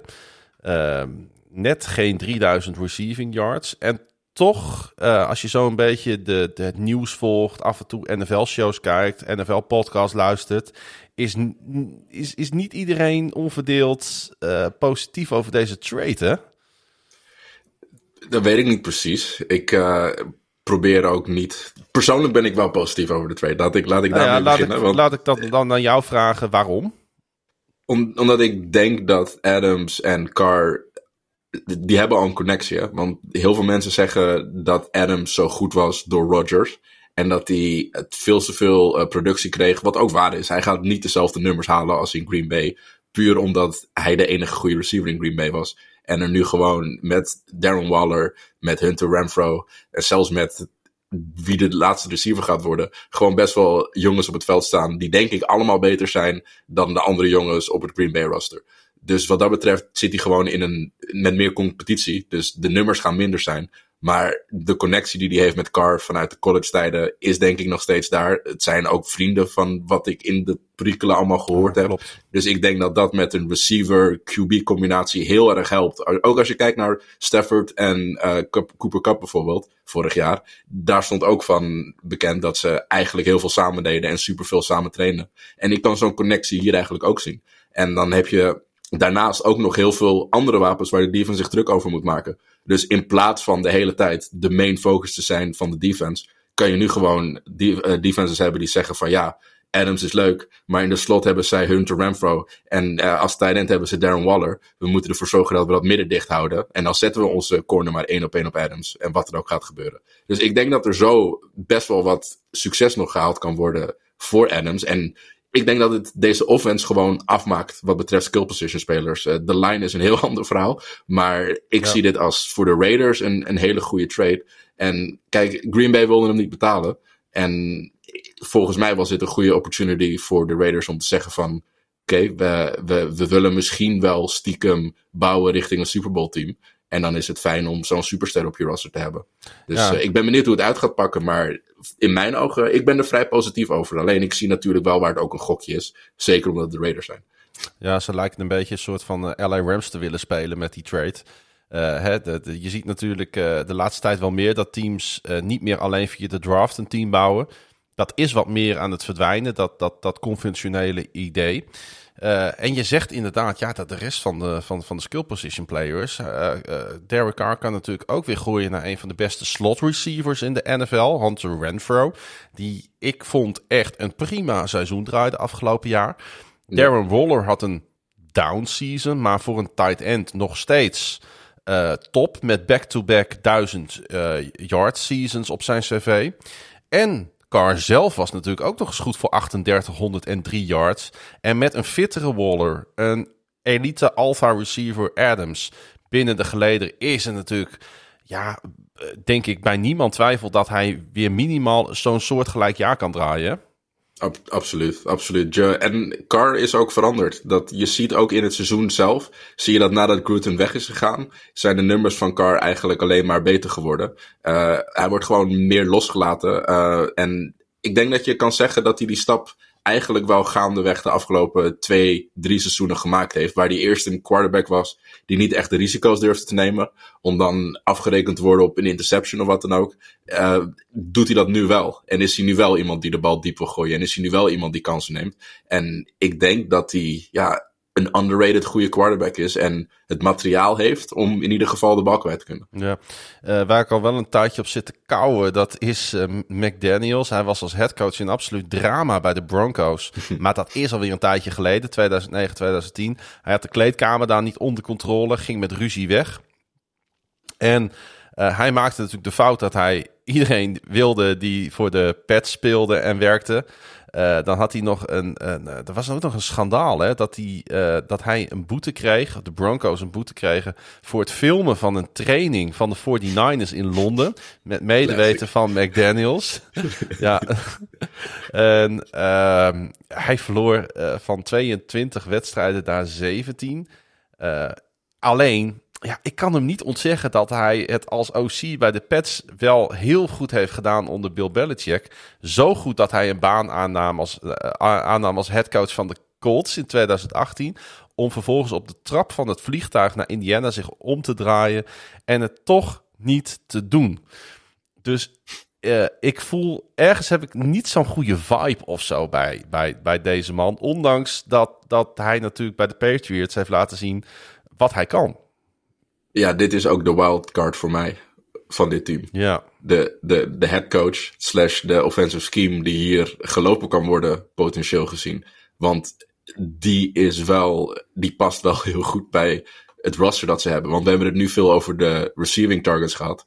Maar als je kijkt naar deze running back room, ze hebben gewoon vier starting waardige running backs op het roster staan. En dat is wel iets wat, of met een rookie erbij, drie waarvan ik denk van, dat zijn jongens die je eigenlijk altijd erin kan gooien. Ja. En Samir White heeft het, ziet er tot nu toe redelijk uit en de verhalen eromheen zijn ook goed. Dus dat kan nummer vier zijn. En dat is wel heel erg Patriot-stijl natuurlijk. Dat ze, dat ze een hele diepe running back-stal hebben. En allemaal een beetje een andere skillset. Uh, en daarnaast gewoon een goede QB en sterke receivers. Dus ik denk dat als het aanslaat, als alle maffigheid die hij hiervoor heeft gedaan een beetje buiten de deur blijft. Uh, als de spelers hem respecteren en als hij geen ruzie gaat maken. Heel veel alsen. Mm. Dat het echt wel nou ja, een, een, goede offense in ieder geval kan staan. En dan is het een beetje de vraag wat er aan de andere kant van de bal gebeurt. Nou, ik zie, ik zie ja, we gaan inderdaad even naar de verdediging toe. Maar ik zie inderdaad wel de overeenkomsten van de scheme uh, bij de Patriots. Als het gaat om deze quarterback en deze aanval. Want ja, laten we eerlijk zijn, Carr is niet de beste deep thrower in de, in de league. Uh, ja, hij was effectief met diepe bal. Maar toen uh, werd Henry Rux natuurlijk gekat. Dus toen was dat opeens ook voorbij. Maar bij uh, de Patriots, die leven natuurlijk voor die snelle short to intermediate passing. En de Raiders, die hebben nu de wapens om dat ook uit te voeren. En ja. hij heeft natuurlijk ook zijn diepe threat met Adams er nu bij. Dus uh, in die zin zie ik wel overeenkomsten tussen de Patriots en de Raiders. En ik vind ook dat McDaniels heeft laten zien dat hij een team kan omturnen naar een nieuw systeem. Toen Cam Newton kwam. En later deed hij dat natuurlijk ook prima met Mac Jones, wat natuurlijk ook weer een hele andere quarterback was. Dus um, ik, weet je, even daar gelaten alle, alle, alle stommigheden die hij heeft uitgehaald. Uh, hij heeft ook wel, uh, zeg maar, op de weegschaal weer dingen laten zien waarvan ik denk van ja, hij verdient op zich deze kans nu, uh, nu wel een keer. Ja, en als we het dan over de andere kant van de bal hebben. Ja, de Raiders hebben natuurlijk met Jones en Max Crosby een waanzinnig pass rushing uh, duo. De fundatie van, uh, van deze unit. En ze hebben met de nieuwe coördinator Patrick Graham natuurlijk een zeer gerespecteerde defensive mind binnengehaald. Ja, zeker. Het, is, uh, het, het, gaat denk ik wel echt heel leuk worden om te zien wat deze defense gaat doen. Want Graham komt van de Giants, toch? Dat zeg je ja, goed, toch? maar die heeft ook uh, uh, vele jaren Patriots op zijn cv staan. Ja, ja. dat is wel echt het probleem wat ik hiermee heb. Want hij lijkt wat dat betreft in diezelfde val te trappen als bij de Broncos. Toen die ook iedereen uit die Patriots tree wou overhengelen naar het team waar hij zat. Dus de Denver Broncos. En ik zie dat nu dus um, nu dus weer gebeuren. En ik ben daar niet zo fan van. Ik, ik, of zo. Ik, dat, wat jij zegt net van hij is de wildcard. Hij, er zijn ook, ook op defense had hij weer iemand met wie die tien jaar heeft samengewerkt in, in New England. Ik vind dat jammer. Ik, ik, ik ben benieuwd hoe, hoe dat gaat. Want ik weet niet precies hoeveel mensen van de Patriots zijn aangenomen natuurlijk. Maar nou ja, ik denk dat ook, Graham ook wel iemand is ook, die... Ook de GM natuurlijk. Ja, ja het, het, wordt wel, ja je, je, hebt gelijk. Het is weer een vrij New England bolwerk. En er is volgens mij gebleken dat het niet altijd even succesvol is uh, bij andere teams. Nee. Dus dat is inderdaad een, een vraag die je kan afvragen. Maar ik denk dat als je kijkt naar wat voor scheme de, uh, Graham loopt. bij de Giants was het. Zij zijn het enige defense die 3-3-5 lopen. Ja. Dus dat, dat, dat is gewoon heel interessant om te zien hoe dat ingevuld gaat worden met toch een hele gevaarlijke uh, offensive line, denk ik zo. Uh, zeker met twee edge spelers die absolute supersterren zijn op papier. Ik denk dat de rest van de defense een vraagteken gaat worden misschien. Omdat het gewoon heel veel jongens zijn die zich nog niet bewezen hebben. Alleen doet het me wel ergens denken aan de defense die de Giants ook hadden. In het feit dat dat ook niet een defense was met heel veel supersterren en met enorme namen. Uh, maar dat die toch altijd wel goed presteerde. Het, waren nooit, het was nooit de defense die wedstrijden verloor voor de Giants, laat ik het zo zeggen. Dus ik denk dat als zo'n gelijke zo'n gelijk resultaat hier kan mm. plaatsvinden. Waarbij de defense niet per se geweldig is. Uh, ik denk dat elke defense in deze divisie beter is, ook op papier. Um, dat het nog steeds uh, goed genoeg is om in ieder geval het team niet in de weg te zitten. Maar wat je zegt klopt zeker. Dat je wil natuurlijk niet de Detroit en uh, met Patricia weg opgaan met een uh, heel Patriots team daar. Uh, dus dat, dat gaat een interessante vraagstelling worden. En ik denk dat de coachingstaf sowieso in ieder geval, het gaat leuk zijn om te kijken naar hoe het allemaal ingevuld gaat worden. Absoluut. Want het talent is er wel en ook twee creatieve coaches. Dus ik denk dat de Raiders een heel leuk team gaat zijn om naar te kijken eigenlijk. Ik wil hem toch even uitlichten. Max Crosby, in korte tijd uitgegroeid tot een van de defensive uh, smaakmakers in de NFL. Hij noteerde in drie seizoenen 25 sacks en had een breakout year in 2021 en haalde dan ook volkomen terecht zijn eerste Pro Bowl. Hij eindigde volgens PFF als tweede onder edge defenders en moest alleen Miles Garrett voor zich dulden. Um, NFL Defensive Player of the Year, TJ Watt, werd zesde in die Matrix. Dus dat is dan wel weer grappig om te zien. Crosby speelde afgelopen seizoen 977 snaps. Vierde onder edge defenders. En heeft die unieke combinatie hè, van goed zijn tegen zowel de run als de pass. Wat je... Ja, dat, dat zijn genera generational players, hè? à la uh, Brian Urlacher, die die combinatie hebben dat ze tegen allebei ongelooflijk sterk zijn. Ja, en zo is hij natuurlijk niet binnengekomen. Hè? Dat, nee, uh, nee, dat, dat, is inderdaad het, het, het, het, mooie aan zijn verhaal. Hij, heeft, hij is natuurlijk die all-American story, is hij eigenlijk, hè? Zeker, zeker ook als je hoort wat hij heeft gedaan met, het, uh, met, met verslavingen, geloof ik, ja, die hij overwonnen ja. heeft. Ja. En ja, ik, het is mooi om te zien dat, dat iemand die Want wat je zegt, dit is eigenlijk de positie. Deze jongens, als, als hij beter was geweest in college, of als hij een groter talent was geweest in college, dan was hij nummer 1 of 2 gegaan. Omdat dit zijn de jongens die je binnen wil halen. Uh, gewoon enorme game wreckers die zowel, wat je zegt, in de run als in de pass gewoon hun stempel op de wedstrijd kunnen drukken. En ik denk dat Crosby's seizoen misschien ook wel een klein beetje uh, overpresteren was. Maar ik denk ook dat dit niet iemand is die heel ver gaat terugvallen. Dus wat dat betreft uh, is de one-two punch met Chandler Jones aan de andere kant. Ja, eng. ja, ja, eng. Dat is, dat is absoluut waar. Hey, um, ik denk dat overal de Raiders uh, tijdens dit offseason beter op zijn geworden. Al waren en natuurlijk ook enkele verliezen, zoals receiver Zay Jones, quarterback Marcus, Marcus Mariota, cornerback Casey Hayward en defensive tackle Quinton Jefferson. Zij gingen. Uh, ik zat eens even te kijken. Ja, wacht even. Het schema van de Raiders, joh. Met road games tegen onder andere de Chargers, de Titans, de Chiefs, de Saints, de Broncos, de Rams. En dan komen ook nog eens teams als de Cardinals, de Colts, de Patriots en de 49ers naar Las Vegas. Um, dat is echt, echt een zwaar schema, hè? Ja, ja, ja. En je zit natuurlijk sowieso met een heel zwaar schema omdat je in deze divisie zit. En als die teams dan ook nog eens zo voorbij komen. En als je dan ook nog eens naar New Orleans moet dan, ja, wat je zegt. Uh, en naar LA zie ik, naar de Rams. Ja. Ja, dat is uh, pittig, ja. Ja, dat is echt pittig. Ze moeten zelfs twee keer dus naar LA, uh, naar de Rams en de Chargers. Dan heb je wel dubbel pech. Um, weet je, hij is een slimme coach, McDaniels. En hij zal nog meer uit Car moeten halen in deze divisie dan vorig jaar. Je voelt aan alles dat dit team ergens zwerft tussen divisiewinst als alles in elkaar klikt en een vierde plek wanneer een paar puzzelstukjes niet gelijk gevonden worden. Um, en dat maakt de Raiders inderdaad, wat je zegt, heel erg boeiend, heel erg leuk om naar te kijken. Uh, ik denk namelijk ook nog eens dat ze dit jaar beter gaan spelen dan vorig jaar. Maar toch de play-offs gaan mislopen. Waar ze ja. die vorig jaar wel haalden. Dat kan. Helaas voor de Raiders. Ik zet ze op een 7-10 record. Ja, ik, ik denk dat ik redelijk meega. Ik denk dat ik 8 en 9 zeg. Um, puur omdat ik denk dat, dat dit een team is dat... Kijk, als je Adams, Carr, uh, Waller, zelfs Crosby, Chandler Jones... Dat zijn spelers die hier en daar wel een, een upset kunnen veroorzaken. En dat je toch een wedstrijd eruit sleept vanwege grote plays van deze jongens. Dus ik denk dat dat een aantal keer gaat gebeuren. Maar wat je zegt, het, het schema is gewoon ongelooflijk lastig.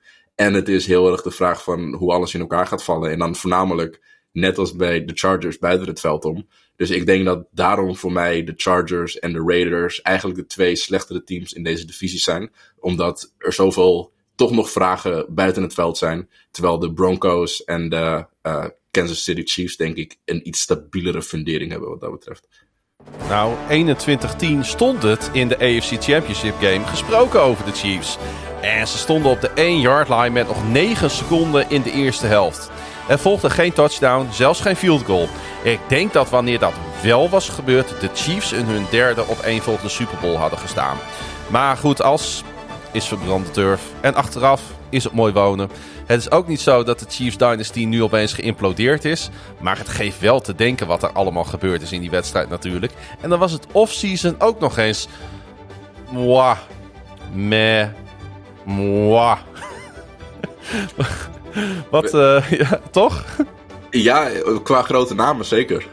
Die je kwijtraakt. Ja, Absoluut. Ja, wat, uh, nou ja, goed. Ik denk dat we daar ook gewoon maar mee moeten beginnen. De Chiefs besloten uh, om heel niet te betalen, zoals bijvoorbeeld de Packers besloten om Adams niet te betalen.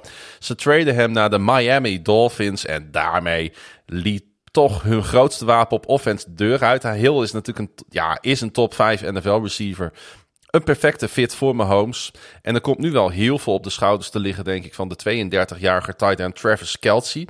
Um, uh, en de rest van de AFC West heeft niet stilgezeten. En daarom voelt het voor mij toch als. Ik, misschien dat het helemaal onterecht is. Maar het gat tussen de Chiefs en de rest van de divisie. is voor mijn gevoel uh, tijdens dit offseason kleiner geworden.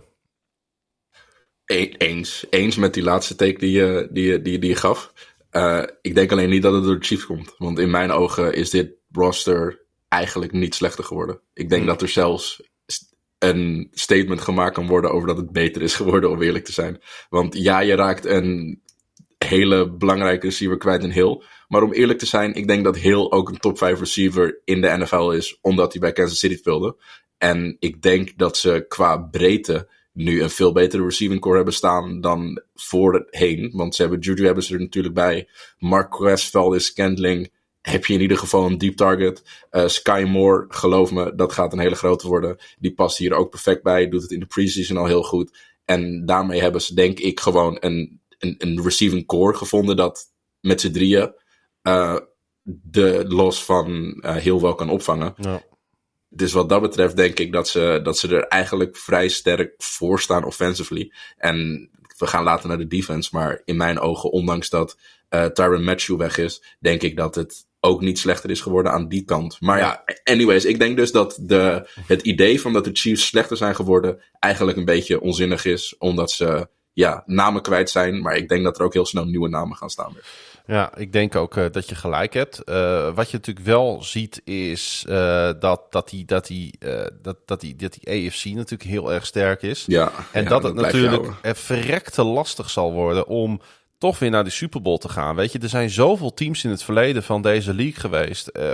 ik denk aan Dan Marino's Miami Dolphins, Brett Favre's Green Bay Packers, Kurt Warner's St. Louis Rams. Drew Brees, New Orleans Saints, wat dacht je daarvan? Aaron Rodgers, Packers.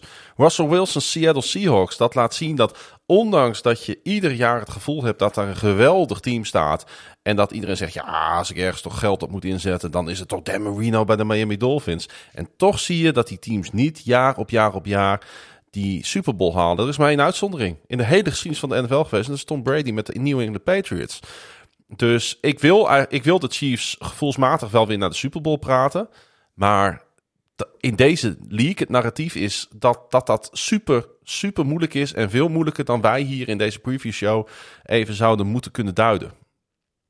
Eens, absoluut. De, ik denk dat de AFC, kijk, ik ben geen NFL-historicus, maar het voelt gewoon zo ongelooflijk lopsided. Als je kijkt naar hoeveel goede teams er in deze uh, conference zitten. Ja. En de, wat, wat je zegt, daarom is het heel lastig om van elk team te kunnen zeggen van, joh, jullie halen het wel even tot de Super Bowl. Maar in mijn ogen zijn de Chiefs wel. Ik denk zelfs nog voor mij favoriet. Ik denk zelfs nog iets meer dan de, uh, dan de um, sorry, de uh, Bills, de Buffalo Bills. Um, dus wat dat betreft heb ik nog wel de hoop dat, of het idee dat, dat dit team, zeker ook om de coachingstaf, dat is voor mij ook een hele grote plus. Het is niet alleen maar Patrick Mahomes die het doet, maar ik denk dat Andy Reid ook een coach is die zo ongelooflijk ervaren is en ook heel veel fouten heeft gemaakt toen hij nog jonger was en tien jaar geleden bij de Eagles en zo zat. En dat nu echt heel erg van geleerd heeft en een hele belangrijke factor voor de team is geworden. Dus wat dat betreft denk ik dat die consistentie buiten het veld en eigenlijk ook op het veld met Patrick Mahomes, Travis Kelsey, een line die meer uh, bekend wordt met elkaar, dat het ook steeds meer in elkaar valt. Dus ja, ik denk dat dit team gewoon nog steeds heel sterk gaat zijn. En het is dat ze tegen heel veel andere goede teams moeten. Ja. Maar ja, als je Patrick Mahomes hebt in mijn boek, dan maak je altijd een hele goede kans om elke wedstrijd te winnen. Leuk is wel dat die andere teams ook al wel hebben laten zien natuurlijk dat ze kunnen winnen van, uh, van de Chiefs. Zeker, ja, zeker. De Bills, de Ravens, de Chargers. Ze hebben het allemaal al wel een keer laten zien dat het mogelijk is. Of dat ze er heel dichtbij zitten. De Bengals natuurlijk ook. Um, maar het, uh, het, het, het, zal, uh, er zal uh, als het gaat om die andere teams die zich zullen moeten voorbereiden op de Chiefs, verandert het natuurlijk niet zoveel ten opzichte van vorig jaar. Jij noemde zijn naam al, Tyron Matthew, die vertrok naar zijn, naar zijn geliefde achterland, naar de Saints. maar... mooie move vond ik dat. Ja, goed. Ik, ik vind het sowieso leuk dat de Saints al die jongens uit uh, Louisiana... Al die LSU-spelers natuurlijk ja. binnen Ja, het is, het, op zich is het leuk. het voelt ook een beetje makkelijk, maar goed, daar gaan we het nu niet over hebben. een beetje het publiek of zo tevreden stellen. voormalig Houston Texan Justin Reed vind ik echt een acceptabele vervanger voor, voor hem. Uh, cornerback Travarius Ward, die vertrok naar uh, San Francisco voor een gigantisch contract. Maar Kansas City drafte natuurlijk Trent McDuffie. Um, jij als, uh, als, als, als volger van, van college talent, wat kun je over hem zeggen? Ja, potentiële, een van de betere corners in deze, in deze draft. Het is niet echt de één op één uitschakelcorner, maar een corner die heel erg goed in zone is. En dat past heel goed in deze defense, want dit is echt een uh, too high cover 4 zone defense style team. En wat je zegt met Justin Reed, dat was denk ik een van de hele weinige lichtpuntjes in Houston ja. uh, in de afgelopen jaren. En ja, ik denk dat ze daar ook niet heel veel uh, inleveren als je dat vergelijkt met Matthew. Die heeft misschien net iets meer, zeg maar, de, de, de naam en ook wel de, de playmaking skills. Maar Reed is super consistent. En die gaat het denk ik ook gewoon heel goed doen in een DB-groep die niet grote geen grote naam heeft, maar voor wat ze moeten doen echt perfect is. Want ze hebben gewoon heel veel playmakers hebben ze staan en allemaal jongens die, wat ik zeg, misschien niet de grootste op hun positie zijn, maar wel, ja, zeker in deze stijl van defense gewoon heel veel plays kunnen maken. Ja. Hey, we kunnen natuurlijk die discussie voeren hè, of de Chiefs er goed aan hebben gedaan om Tyreek Hill uh, weg te traden. Uh, uh, en ik denk dat de conclusie een beetje, als ik jou zo een beetje hoor, is dat het op zich dat ze dat goed gedaan hebben. Maar goed opgevangen. Goed, goed op, opgevangen. Goed opgevangen, inderdaad. Ja. Maar ik, ik vind ook dat ze wat ze ervoor terug hebben gekregen, hebben ze best wel gemaximaliseerd. Een eerste, een tweede en een vierde ronde pick dit Precies. jaar. En voor volgend jaar ook nog eens twee extra picks. Dat vind ik echt veel. Ja. Uh, zeker als je dat afzet tegenover uh, bijvoorbeeld die mega-deals met, uh, met Russell Wilson en, en, en Davante Adams natuurlijk. Ja, en ze hebben zo goed gedraft. En ze hebben heel goed gedraft inderdaad. En natuurlijk, ja, je zou er bijna aan voorbij gaan. Maar Patrick Mahomes, die blijft natuurlijk een geweldige speler. Al denk ik wel dat 2021 zijn lastigste seizoen van allemaal is geweest. Mahomes gooide 13 intercepties, een career high. Hij gooide 11 picks in 2019 en 2020 gecombineerd bij elkaar. Dus dat geeft wel, uh, dat geeft wel wat aan. En zijn uh, yards per attempt, 7,4 uh, zeg ik even uit mijn hoofd, was career low. Um, zijn passer ratings waren lager dan ooit. En dan komt die wedstrijd in de playoffs tegen de Bengals er nog eens bij. Waarbij Mahomes in de tweede helft totaal zichzelf niet was. Echt onkarakteristiek was dat wat we daar gezien hebben. Uh, hij had nog steeds een geweldig jaar, maar niet zo geweldig als de jaren daarvoor. Ik denk dat Mahomes wat dat betreft een beetje uitgevonden is en dat teams weten hoe ze in ieder geval de deksel er iets meer op kunnen houden. Dat het niet, uh, niet helemaal ontploft, zoals we dat in de eerste jaren wel zagen. En ik ben benieuwd, voor mij is de vraag voor de Kansas City Chiefs dit jaar van hoe ga je dat oplossen? Want volgens mij kunnen ze zeker ook met de receivers die ze nu hebben staan veel beter overschakelen naar een niet zulk all or nothing. Uh, want Mahomes is supergoed als hij onder pressure staat en heen en weer kan scramblen. En als de play niet meer goed gaat, dat hij dan toch nog iets eruit kan halen. Volgens mij wil Andy Reid ook meer structuur en dat soort dingen erin aanbrengen. Iets en minder dat, explosief, zeg jij eigenlijk. Ja, precies, precies. Gewoon iets meer gericht op, oké, okay, binnen de structuur van de play blijven. In plaats van, oh, het gaat fout. Patrick doet wel wat. Hij gooit de bal diep en Tyreek Hill vangt hem. Ik denk dat ze gewoon meer naar de, ja, toch de balcontrole toe willen gaan. Terwijl je, als je aan Kansas City Chiefs dacht, uh, over de afgelopen paar jaar was het toch wel de, de diepe ballen en Mahomes die er een show van maakte. En ik hoop dat ze eigenlijk Mahomes wat dat betreft een beetje meer in de schaduw zetten. En wat, eigenlijk wat playmaking druk van zijn schouders afhalen. Ja, daarom denk ik ook, want ik ben, ik ben in dit geval het echt helemaal met je eens. Ik, ik heb precies dezelfde gedachte hierover. En daarom denk ik ook dat de running game dit jaar belangrijker dan ooit gaat zijn in, uh, in KC. Ja. Ze hebben namelijk natuurlijk met Clyde edwards helaire een solide starter. Sommigen vinden hem overrated. Dat vind ik te ver gaan. Ik, um, ik, ik denk, geblesseerd. Nou, ik denk, ja, en ik denk nog altijd dat de Chiefs er geen eerste ronde pick voor hadden hoeven uh, op te geven. Ja. Uh, maar de Chiefs deden het. En here we are. En hij heeft nu voor het eerst heeft hij een echt off-season. Na door COVID hevig aangetaste 2020 pre-season. En een operatie aan zijn galblaas in 2021. Um, de, Chiefs die steunen natuurlijk traditiegetrouw niet echt op één running back. Dus hij, uh, hij zal zeker niet een, een traditional workhorse uh, worden en zijn voor dit team. Maar natuurlijk wel de beste speler hè, van, de, van de Chiefs uh, in, in de backfield. Maar uh, voor fantasy spelers, ik weet niet of jij hem kent, wil ik, wil ik nog een andere running back tippen. Dat is namelijk Isaiah Pache Pacheco, Pacheco, Pacheco. Ja, of de Rutgers rookie. Toch? Ja, precies. Uh, die echt furoren aan het maken is op de trainingen en in uh, preseason. Ja, als hij, en dat is natuurlijk het leuke, dat is het leuke aan, aan running backs volgen. Uh, teams kunnen maar zo per ongeluk die one-two punch hebben, terwijl ja. ze daar misschien niet eens helemaal op gerekend hadden. Nee, en dan denk ik dat je met Jarek McKinnon een, een speler hebt die super ervaren is. En met Ronald Jones een speler hebt bij wie het potentieel er nooit echt uitgekomen is. Dus je hebt hier gewoon een hele leuke running back room. En wat je zegt, uh, Pacheco heeft zeker veel laten zien deze weken. En ik denk dat het een, een, een leuke one-two 3-4 punch misschien wel kan worden in, deze, in deze backfield. Dat is wel een beetje hoe zij dat doen inderdaad, ja. Ja, ja, nee, er zijn gewoon heel veel goede running backs en niet heel veel running back spots op een, op een roster vaak.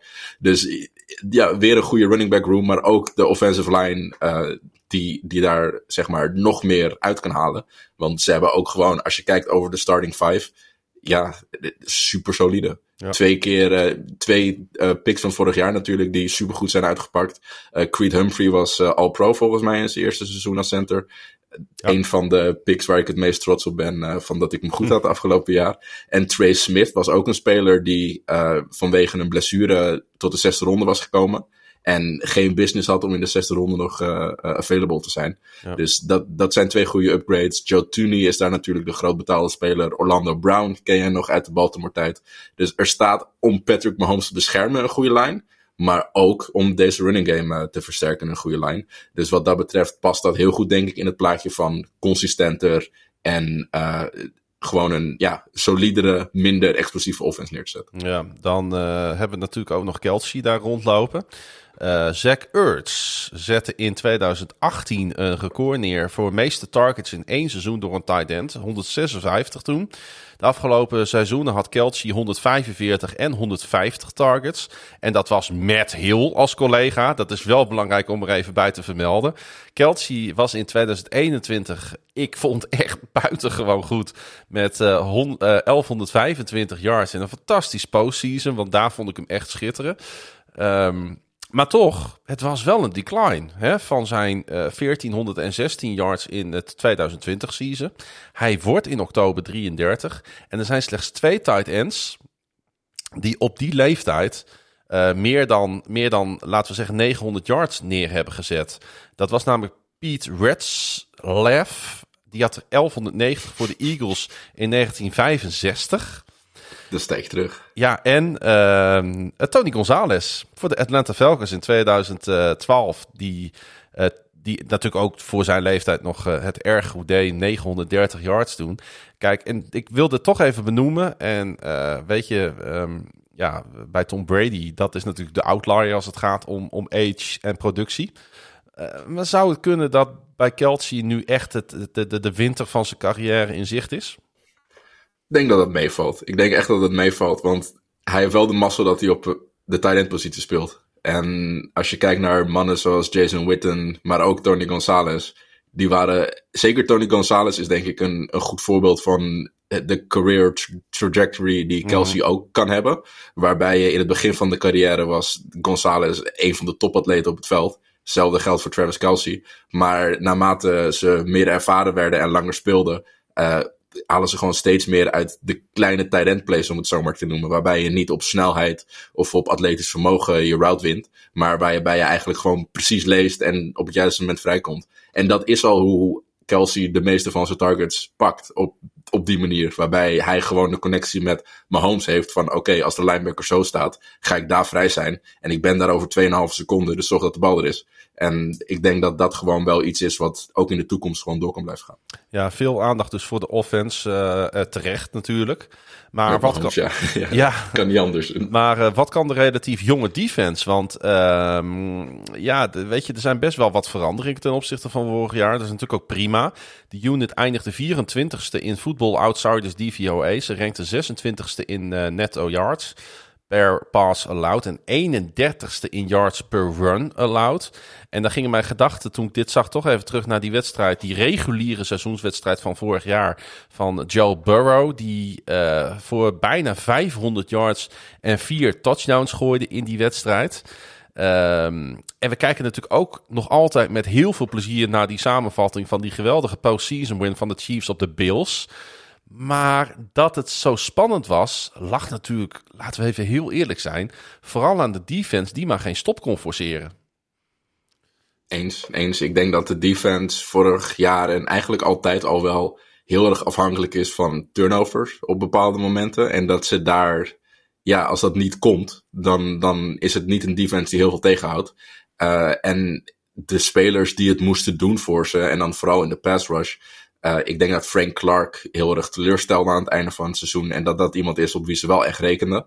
Um, en ik denk dat eigenlijk, als je nu kijkt naar wie ze op het roster hebben staan, er zeker stappen zijn gemaakt om wat meer consistentie in de defense te brengen. Waar je ook gewoon een roster hebt en een defense hebt die kan tegenhouden. In plaats van alleen hopen dat een van je jongens een grote play maakt. Uh, om zo het script van de wedstrijd om te draaien. Want ja. ja. wat je zegt klopt helemaal. Ze waren zo afhankelijk van. We moeten een turnover forceren. Uh, want de defense stopt niks. Maar ja, dat hoeft eigenlijk ook niet als Mahomes er 35 minstens per wedstrijd uh, nee. maakt krijgen wij als kijkers in ieder geval wel hele leuke wedstrijden door te Zeker. zien. uh, dat zal allemaal moeten gaan gebeuren onder aanleiding van Chris Jones, die vorig jaar 39ste werd in de NFL Top 100 uh, spelers in de league. Met op tijd. Uh, ja. Die, die, was vandaag geüpload, toch? Wat zeg je? Of gisteren. Was die gisteren niet geüpload of vandaag? Dat, ja, klopt. De nieuwe, ja, ja, ja. ja, 39ste zag ik. Uh, daarmee, ik, ik zat even te kijken wat er om hem heen stond. Hij staat daarmee nog net voor sterren als Chargers quarterback Justin Herbert en Tampa Bay Buccaneers offensive tackle Christian Wirfs. En hij staat net achter Cincinnati Bengals running back Joe Mixon, die ik vrij hoog vond staan. En Arizona Cardinals wideout DeAndre Hopkins. Um, Jones speelde vorig jaar 14 wedstrijden, noteerde 27 tackles, 9 sacks, 5 broken passes. Hij was goed voor 17 quarterback, uh, hits. Wel zijn laagste aantal sinds 2017. Uh, weet je, ik, ik vind hem geen elite speler, maar ik vind hem wel de beste speler. Oeh, geen elite speler, maar wel de beste speler. Ik, ik vind hem wel een elite speler. Ik denk dat hij de beste defensive tackle naar Aaron Donald in de NFL. Vind je dat echt? Ja. Oké, ja, ik, ik heb die idee... Tenzij je nu iemand kan noemen die ik over het hoofd heb gezien. Nee, nou ja, ik heb die... Nou ja, goed, ik heb het idee eh, dat... dat ik, ik weet, ik moet het, weet je... Nou ja, goed, ik geef hem op dit moment het voordeel van de twijfel even niet. Want ik vond dat er wel wat decline was uh, dit jaar. Ik moet wel heel eerlijk zeggen, hij had natuurlijk ook niet echt teamgenoten om zich heen staan die hem heel Precies. erg hebben geholpen. Precies. Dus dat moet ik hem dan wel weer geven. Uh, dus misschien dat ik er wel een beetje aan voorbij kijk. Uh, ik, ik heb over hem wat twijfels, maar ik ga, we gaan het wel zien. Um, ja, de goed. edge is de, is de, zijn, zijn de twijfels bij mij, denk ik. Dat ik hoop dat Frank Clark kan laten zien wat hij ooit ja. in Seattle volgens mij uh, heeft laten zien. En ze hebben natuurlijk, jij ging erover beginnen volgens mij. Uh, ik, ik, hoop niet dat ik al je Thunder stil, maar die, de, de rookie doet het ook niet slecht. Uh, sorry, wie? De rookie George Karlaftis. Nee, zeker. Die ze in de eerste ronde hebben gekozen. Ja, zijn naam was nog niet gevallen, inderdaad. Uh, maar wel goed om hem inderdaad nog, toch nog even te noemen. Ja, maar weet je, jij zei net terecht, een, een hele goede draft. Uh, daar is hij natuurlijk exemplarisch voor. Ja, ja, en als Frank Clark dan ook, zeg maar, niet de nummer 1 rusher hoeft te zijn, omdat deze jongen ook dat soort aandacht kan, uh, tot zich kan krijgen. En dan Chris Jones in de middel, die ook, nou ja, die pressure kan, kan, kan uitvoeren. En natuurlijk Danny Shelton, die uh, aan het roster is toegevoegd. Uh, Good old Danny Shelton, ja. Ja, die gaat weer een paar keer met zijn neus vol op het turfval, dat kan ik je vertellen. Ja, dat... maar hij ligt wel in de weg dan. Ja, dat is echt, dat is echt een van de slechtste signings van dit offseason in de NFL. Die kan diepte, er echt, die kan er echt helemaal niks van. Uh, wie denk je wie er in een Danny Shelton jersey door Detroit liep vorig jaar? Oh ja, dat weet ik wel. Ja, de, de grootste fan van Danny Shelton zit ook hier natuurlijk. Je bent kritisch, maar ergens diep in het hart weet ik dat, uh, dat Danny een speciaal plekje voor je heeft. Ja, die, die bakte dus echt helemaal niks meer van. echt niet. Maar ik snap, nou ja, dan... ik snap wel dat je hem zeg maar als, als third string op je, op je roster uh, wil hebben staan. Dat snap ik dan wel weer met zijn ervaring. Dan ondanks Danny Shelton staat er wel echt een lijn waar heel veel nou ja, vuurwerk vanaf kan komen. En zeker als de rookies de juiste kant op vallen. En dan denk ik dat Chris Jones ook qua nummers weer wat uh, beter erop kan ja, staan. Dat, want... dat hoop ik echt voor hem. Want uh, ja, dit, uh, misschien dat ik daarom dus wel wat negatief over hem ben. Ja, ja, en ik denk dat dat misschien een beetje vertekend is, omdat Mhm. mm dat is de man die je moet stoppen op deze defensive line. Ja. En de pressure, ja, laat Frank Clark maar één op één spelen afgelopen seizoen. Goed, um, ja, we gaan, de, we gaan dit afronden, weet je. Ik ga, niet, uh, ik ga gewoon hier niet Patrick Mahomes onderschatten en ik ga ook niet Andy Reid onderschatten. Um, ja, weet je, er waren afgelopen jaren zoveel big plays tussen Mahomes en Hill dat het gewoon echt heel moeilijk is om uh, te geloven dat het vertrek van deze receiver geen impact zal hebben. Zo is het dan ook wel weer. En ehm, het is heel aantrekkelijk om positief over de Broncos en de Chargers te praten. Uh, want we willen eigenlijk als, als liefhebbers en als kijker en als niet per se fan van deze teams graag wat, wat, wat, wat opschudding in deze, deze divisie zien. We willen zien dat het spannend wordt. Maar de Chiefs hebben natuurlijk niet voor niks de AFC West title nu zes jaar op rij gewonnen. Uh, weet je, en als die, als, die, als die rookies op defense, waar jij het heel terecht over hebt, gelijk hun stempel gaan drukken, is de defense in mijn ogen ook nog eens beter geworden. Ja ik heb de Chargers op divisiewin staan. Dat, dat, dat hebben we allemaal gehoord in deze podcast. Voor degene die nog uh, aan het luisteren niemand zijn. gaat over die 14 wins heen? Uh, dus nee, dat, dat inderdaad. En ik, ik, word misschien in januari keihard uitgelachen hoor. Wanneer de Chiefs uh, die number one seed hebben. En gewoon een nieuw pad richting Super Bowl hebben. Ehm, maar de prestaties liegen niet. Ze hebben in vier op één volgende championship games gestaan. Twee keer de Super Bowl gehaald. ja, dit, team kan de komende jaren Tom Brady-era New England Patriots goed blijken. Met een bijzondere quarterback, een toekomstig Hall of Fame coach. Uh, en wanneer ze onvo deze divisie dit jaar niet winnen, is natuurlijk ook niet alles gelijk verloren. we moeten dan ook niet doen alsof er iets verschrikkelijks is gebeurd in de AFC West en bij de Chiefs. Uh, maar omdat ik dus de Chargers op 14 overwinningen heb staan, uh, ga ik hun op 11 overwinningen zetten. Ja, ik moet eerlijk zeggen dat Chiefs fans daar denk ik wel voor tekenen. En ik denk de Chiefs franchise zelfs ook, zelf ook. Uh, wat ik al zei aan het begin van de uitzending, het is in mijn ogen wat betreft playoffs gewoon vooral om ervoor te zorgen dat jouw naam in de hoed komt. En of dat nou met de eerste seed of met de tweede seed is, maakt volgens mij niet heel erg veel uit. Dus wat dat betreft denk ik dat een playoff seizoen dat daar het weer opnieuw gaat beginnen. En dat dit dan echt een team is wat daar hele grote verwachtingen heeft. En die dan de, de pre- of de regular season uh, wel goed kunnen maken. Um, je had het even over defensive spelers, want ik denk ook dat de defense heel erg sterk is geworden. Ik denk dat de Chiefs voor de zevende keer achter elkaar uh, de divisie winnen. Ik was er al bang voor. ik geef ze één win meer dan de, de Broncos. Ik zat na te denken om het misschien 12-12 te doen. Maar dat is een beetje, een beetje gedoe. Dus dan geef ik ze de 13.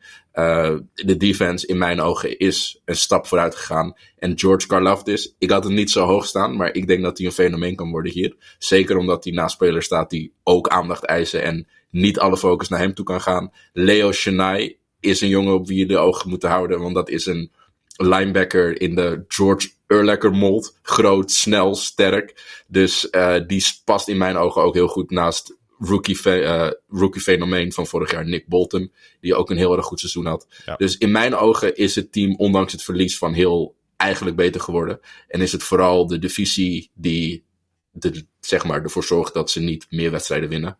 Uh, ik denk dat dit team Super Bowl wensen, aspiraties en kans maakt. Het wordt in ieder geval heel erg leuk om uh, met name ook, denk ik, die onderlinge wedstrijden te gaan bekijken als deze teams Zeker. tegen elkaar gaan spelen.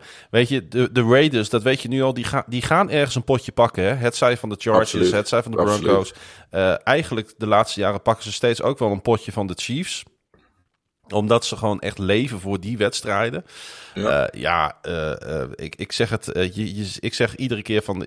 als ik zo'n preview heb opgenomen. krijg ik weer ongelooflijk veel zin in het seizoen.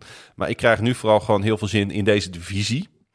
Ja, snap ik heel goed. En, en we, gaan, we, gaan, we gaan er met heel veel plezier naar kijken. Ik denk dat dat de, de, de conclusie wordt na deze nou, ongeveer anderhalf durende preview. Het heeft toch allemaal weer wat langer geduurd dan ik had verwacht blijf je houden. Uh, de verbinding heeft het gehouden met Amsterdam en, uh, tussen Amsterdam en Groningen. Ja, het is toch een gigantische afstand natuurlijk tussen uh, de, de, de, de, de Randstad, waar het natuurlijk allemaal gebeurt in Holland en het Nederlandse platteland hier in het noordoosten van het land. Uh, hey, kom... Jouw woorden. ik zal er niks over zeggen. Kom je, kom je, binnenkort weer eens naar Groningen voor een, uh, voor een biertje? ik, uh, ik heb het wel ergens in potlood op de agenda staan. Want we zouden dit eigenlijk face-to-face doen, maar het kwam helaas toch niet helemaal bij elkaar. Nee, precies. Nee, kijk, ik heb natuurlijk nog wel gewoon connecties en vrienden in Groningen zelf. het is misschien leuk om een keer bij een Giants-wedstrijd langs te gaan. Ja. Het is misschien leuk om andere mensen daar weer te zien. Dus als ik langskom, zal ik het wel even zeggen. En dan kom ik bij uh, Proeflokaal Hooghout. Kom ik wel even een, uh, een biertje drinken. Ja. Dus uh, wat dat betreft. Het café naast jouw voormalige werkgever. Voor een maand, hè? Voor een maand. Heb je een maand en wat dat dan is, dat moeten de mensen zelf maar uitzoeken. Uh, moet je langs gaan. Ja, moet je langs gaan. Ja, dat, ik weet niet of dat nou de tip is die ik aan Nee, nee, proeflokaal hoog houden. Oh, ik dacht de toko die ernaast zat. Uh, nee, dat weet ik niet wat ernaast zit. Dat weten we niet. Volgens mij een biologische supermarkt. Klopt. Die zit er ook naast. Hey, of is dat twee winkels ernaast? Dat is twee ernaast, toch? Uh, ja. maar twee ernaast is ook ernaast. hey, uh, hartstikke bedankt voor, uh, voor jouw bijdrage. Ik zou bijna willen zeggen jouw jaarlijkse bijdrage aan deze toch wel ja, legendarische podcast. Je mag het zeggen. Hey, allerlaatste wat ik ga vragen. Schot voor de boeg. Wat wordt de Super Bowl? Oeh, oeh. Uh, ik heb gezegd de Chiefs, dus de, de Chiefs. En dan aan de andere kant de 49ers. Dus nemen we een rematch van, wat is het, drie jaar geleden? Twee jaar geleden? Ja. Drie jaar geleden. Uh, ja, klopt. Uh, ja. Toch? ja, ja, volgens mij het seizoen voor deze. Ja, ik, ben, uh, ja ik, ik, ik, let ook niet meer helemaal goed op, moet ik zeggen. Twee uh, seizoenen daarvoor, want je had de Tampa Bay, en dus voor Tampa Bay, ja, drie jaar geleden. Exact. um, hey, uh, heel veel succes met alles wat, jij, wat je gaat doen in Amsterdam, met het zoeken naar, naar werk en woonruimte en, en, en een toekomst. ik vond het ontzettend leuk om, om weer even bijgekletst te hebben over het NFL. Ja. Uh, ik luister altijd graag naar je stem en naar je inzichten wat dat betreft. Uh, als mensen jou willen volgen of een berichtje willen sturen, dan kan dat volgens mij het beste via Instagram. Zeker. Uh, onze Instagram NFL Netherlands wordt weer enigszins gereanimeerd door mij. Dus ik ben van plan om daar weer op een regelmatige termijn te gaan uploaden. En jullie op de hoogte te houden van wat er gebeurt in de NFL. En daarnaast heb ik wat kleine dingetjes in de wandelgangen lopen. Waar ik later hopelijk meer over kan vertellen. Maar uh, het lijkt mij fijn om uh, dit seizoen weer uh, actief te gaan creëren rond NFL voetbal. Dus wat dat betreft is het ten eerste heel mooi dat ik hier weer even mijn zegje had mogen doen bij de, bij de conculega's. En ja. ik, ik, ik ben hier altijd graag en het lijkt me mooi om ja, in de toekomst weer meer te kunnen maken. Dus jullie horen daarvan. Maar voor nu NFL Netherlands op Instagram voor uh, Nederlandse voetbal. Oké, top. Mij volg je natuurlijk via het Klaasje Gun, A, S, N. Pieter via het Darflaagstreepje. En steun ons natuurlijk ook via onze Petje per Dag pagina nflopwoensdag.nl. Dit was uh, alweer uh, seizoen 3. Aflevering, wat was het ook alweer? 12. En ik kijk uit naar de volgende. Bedankt voor het luisteren.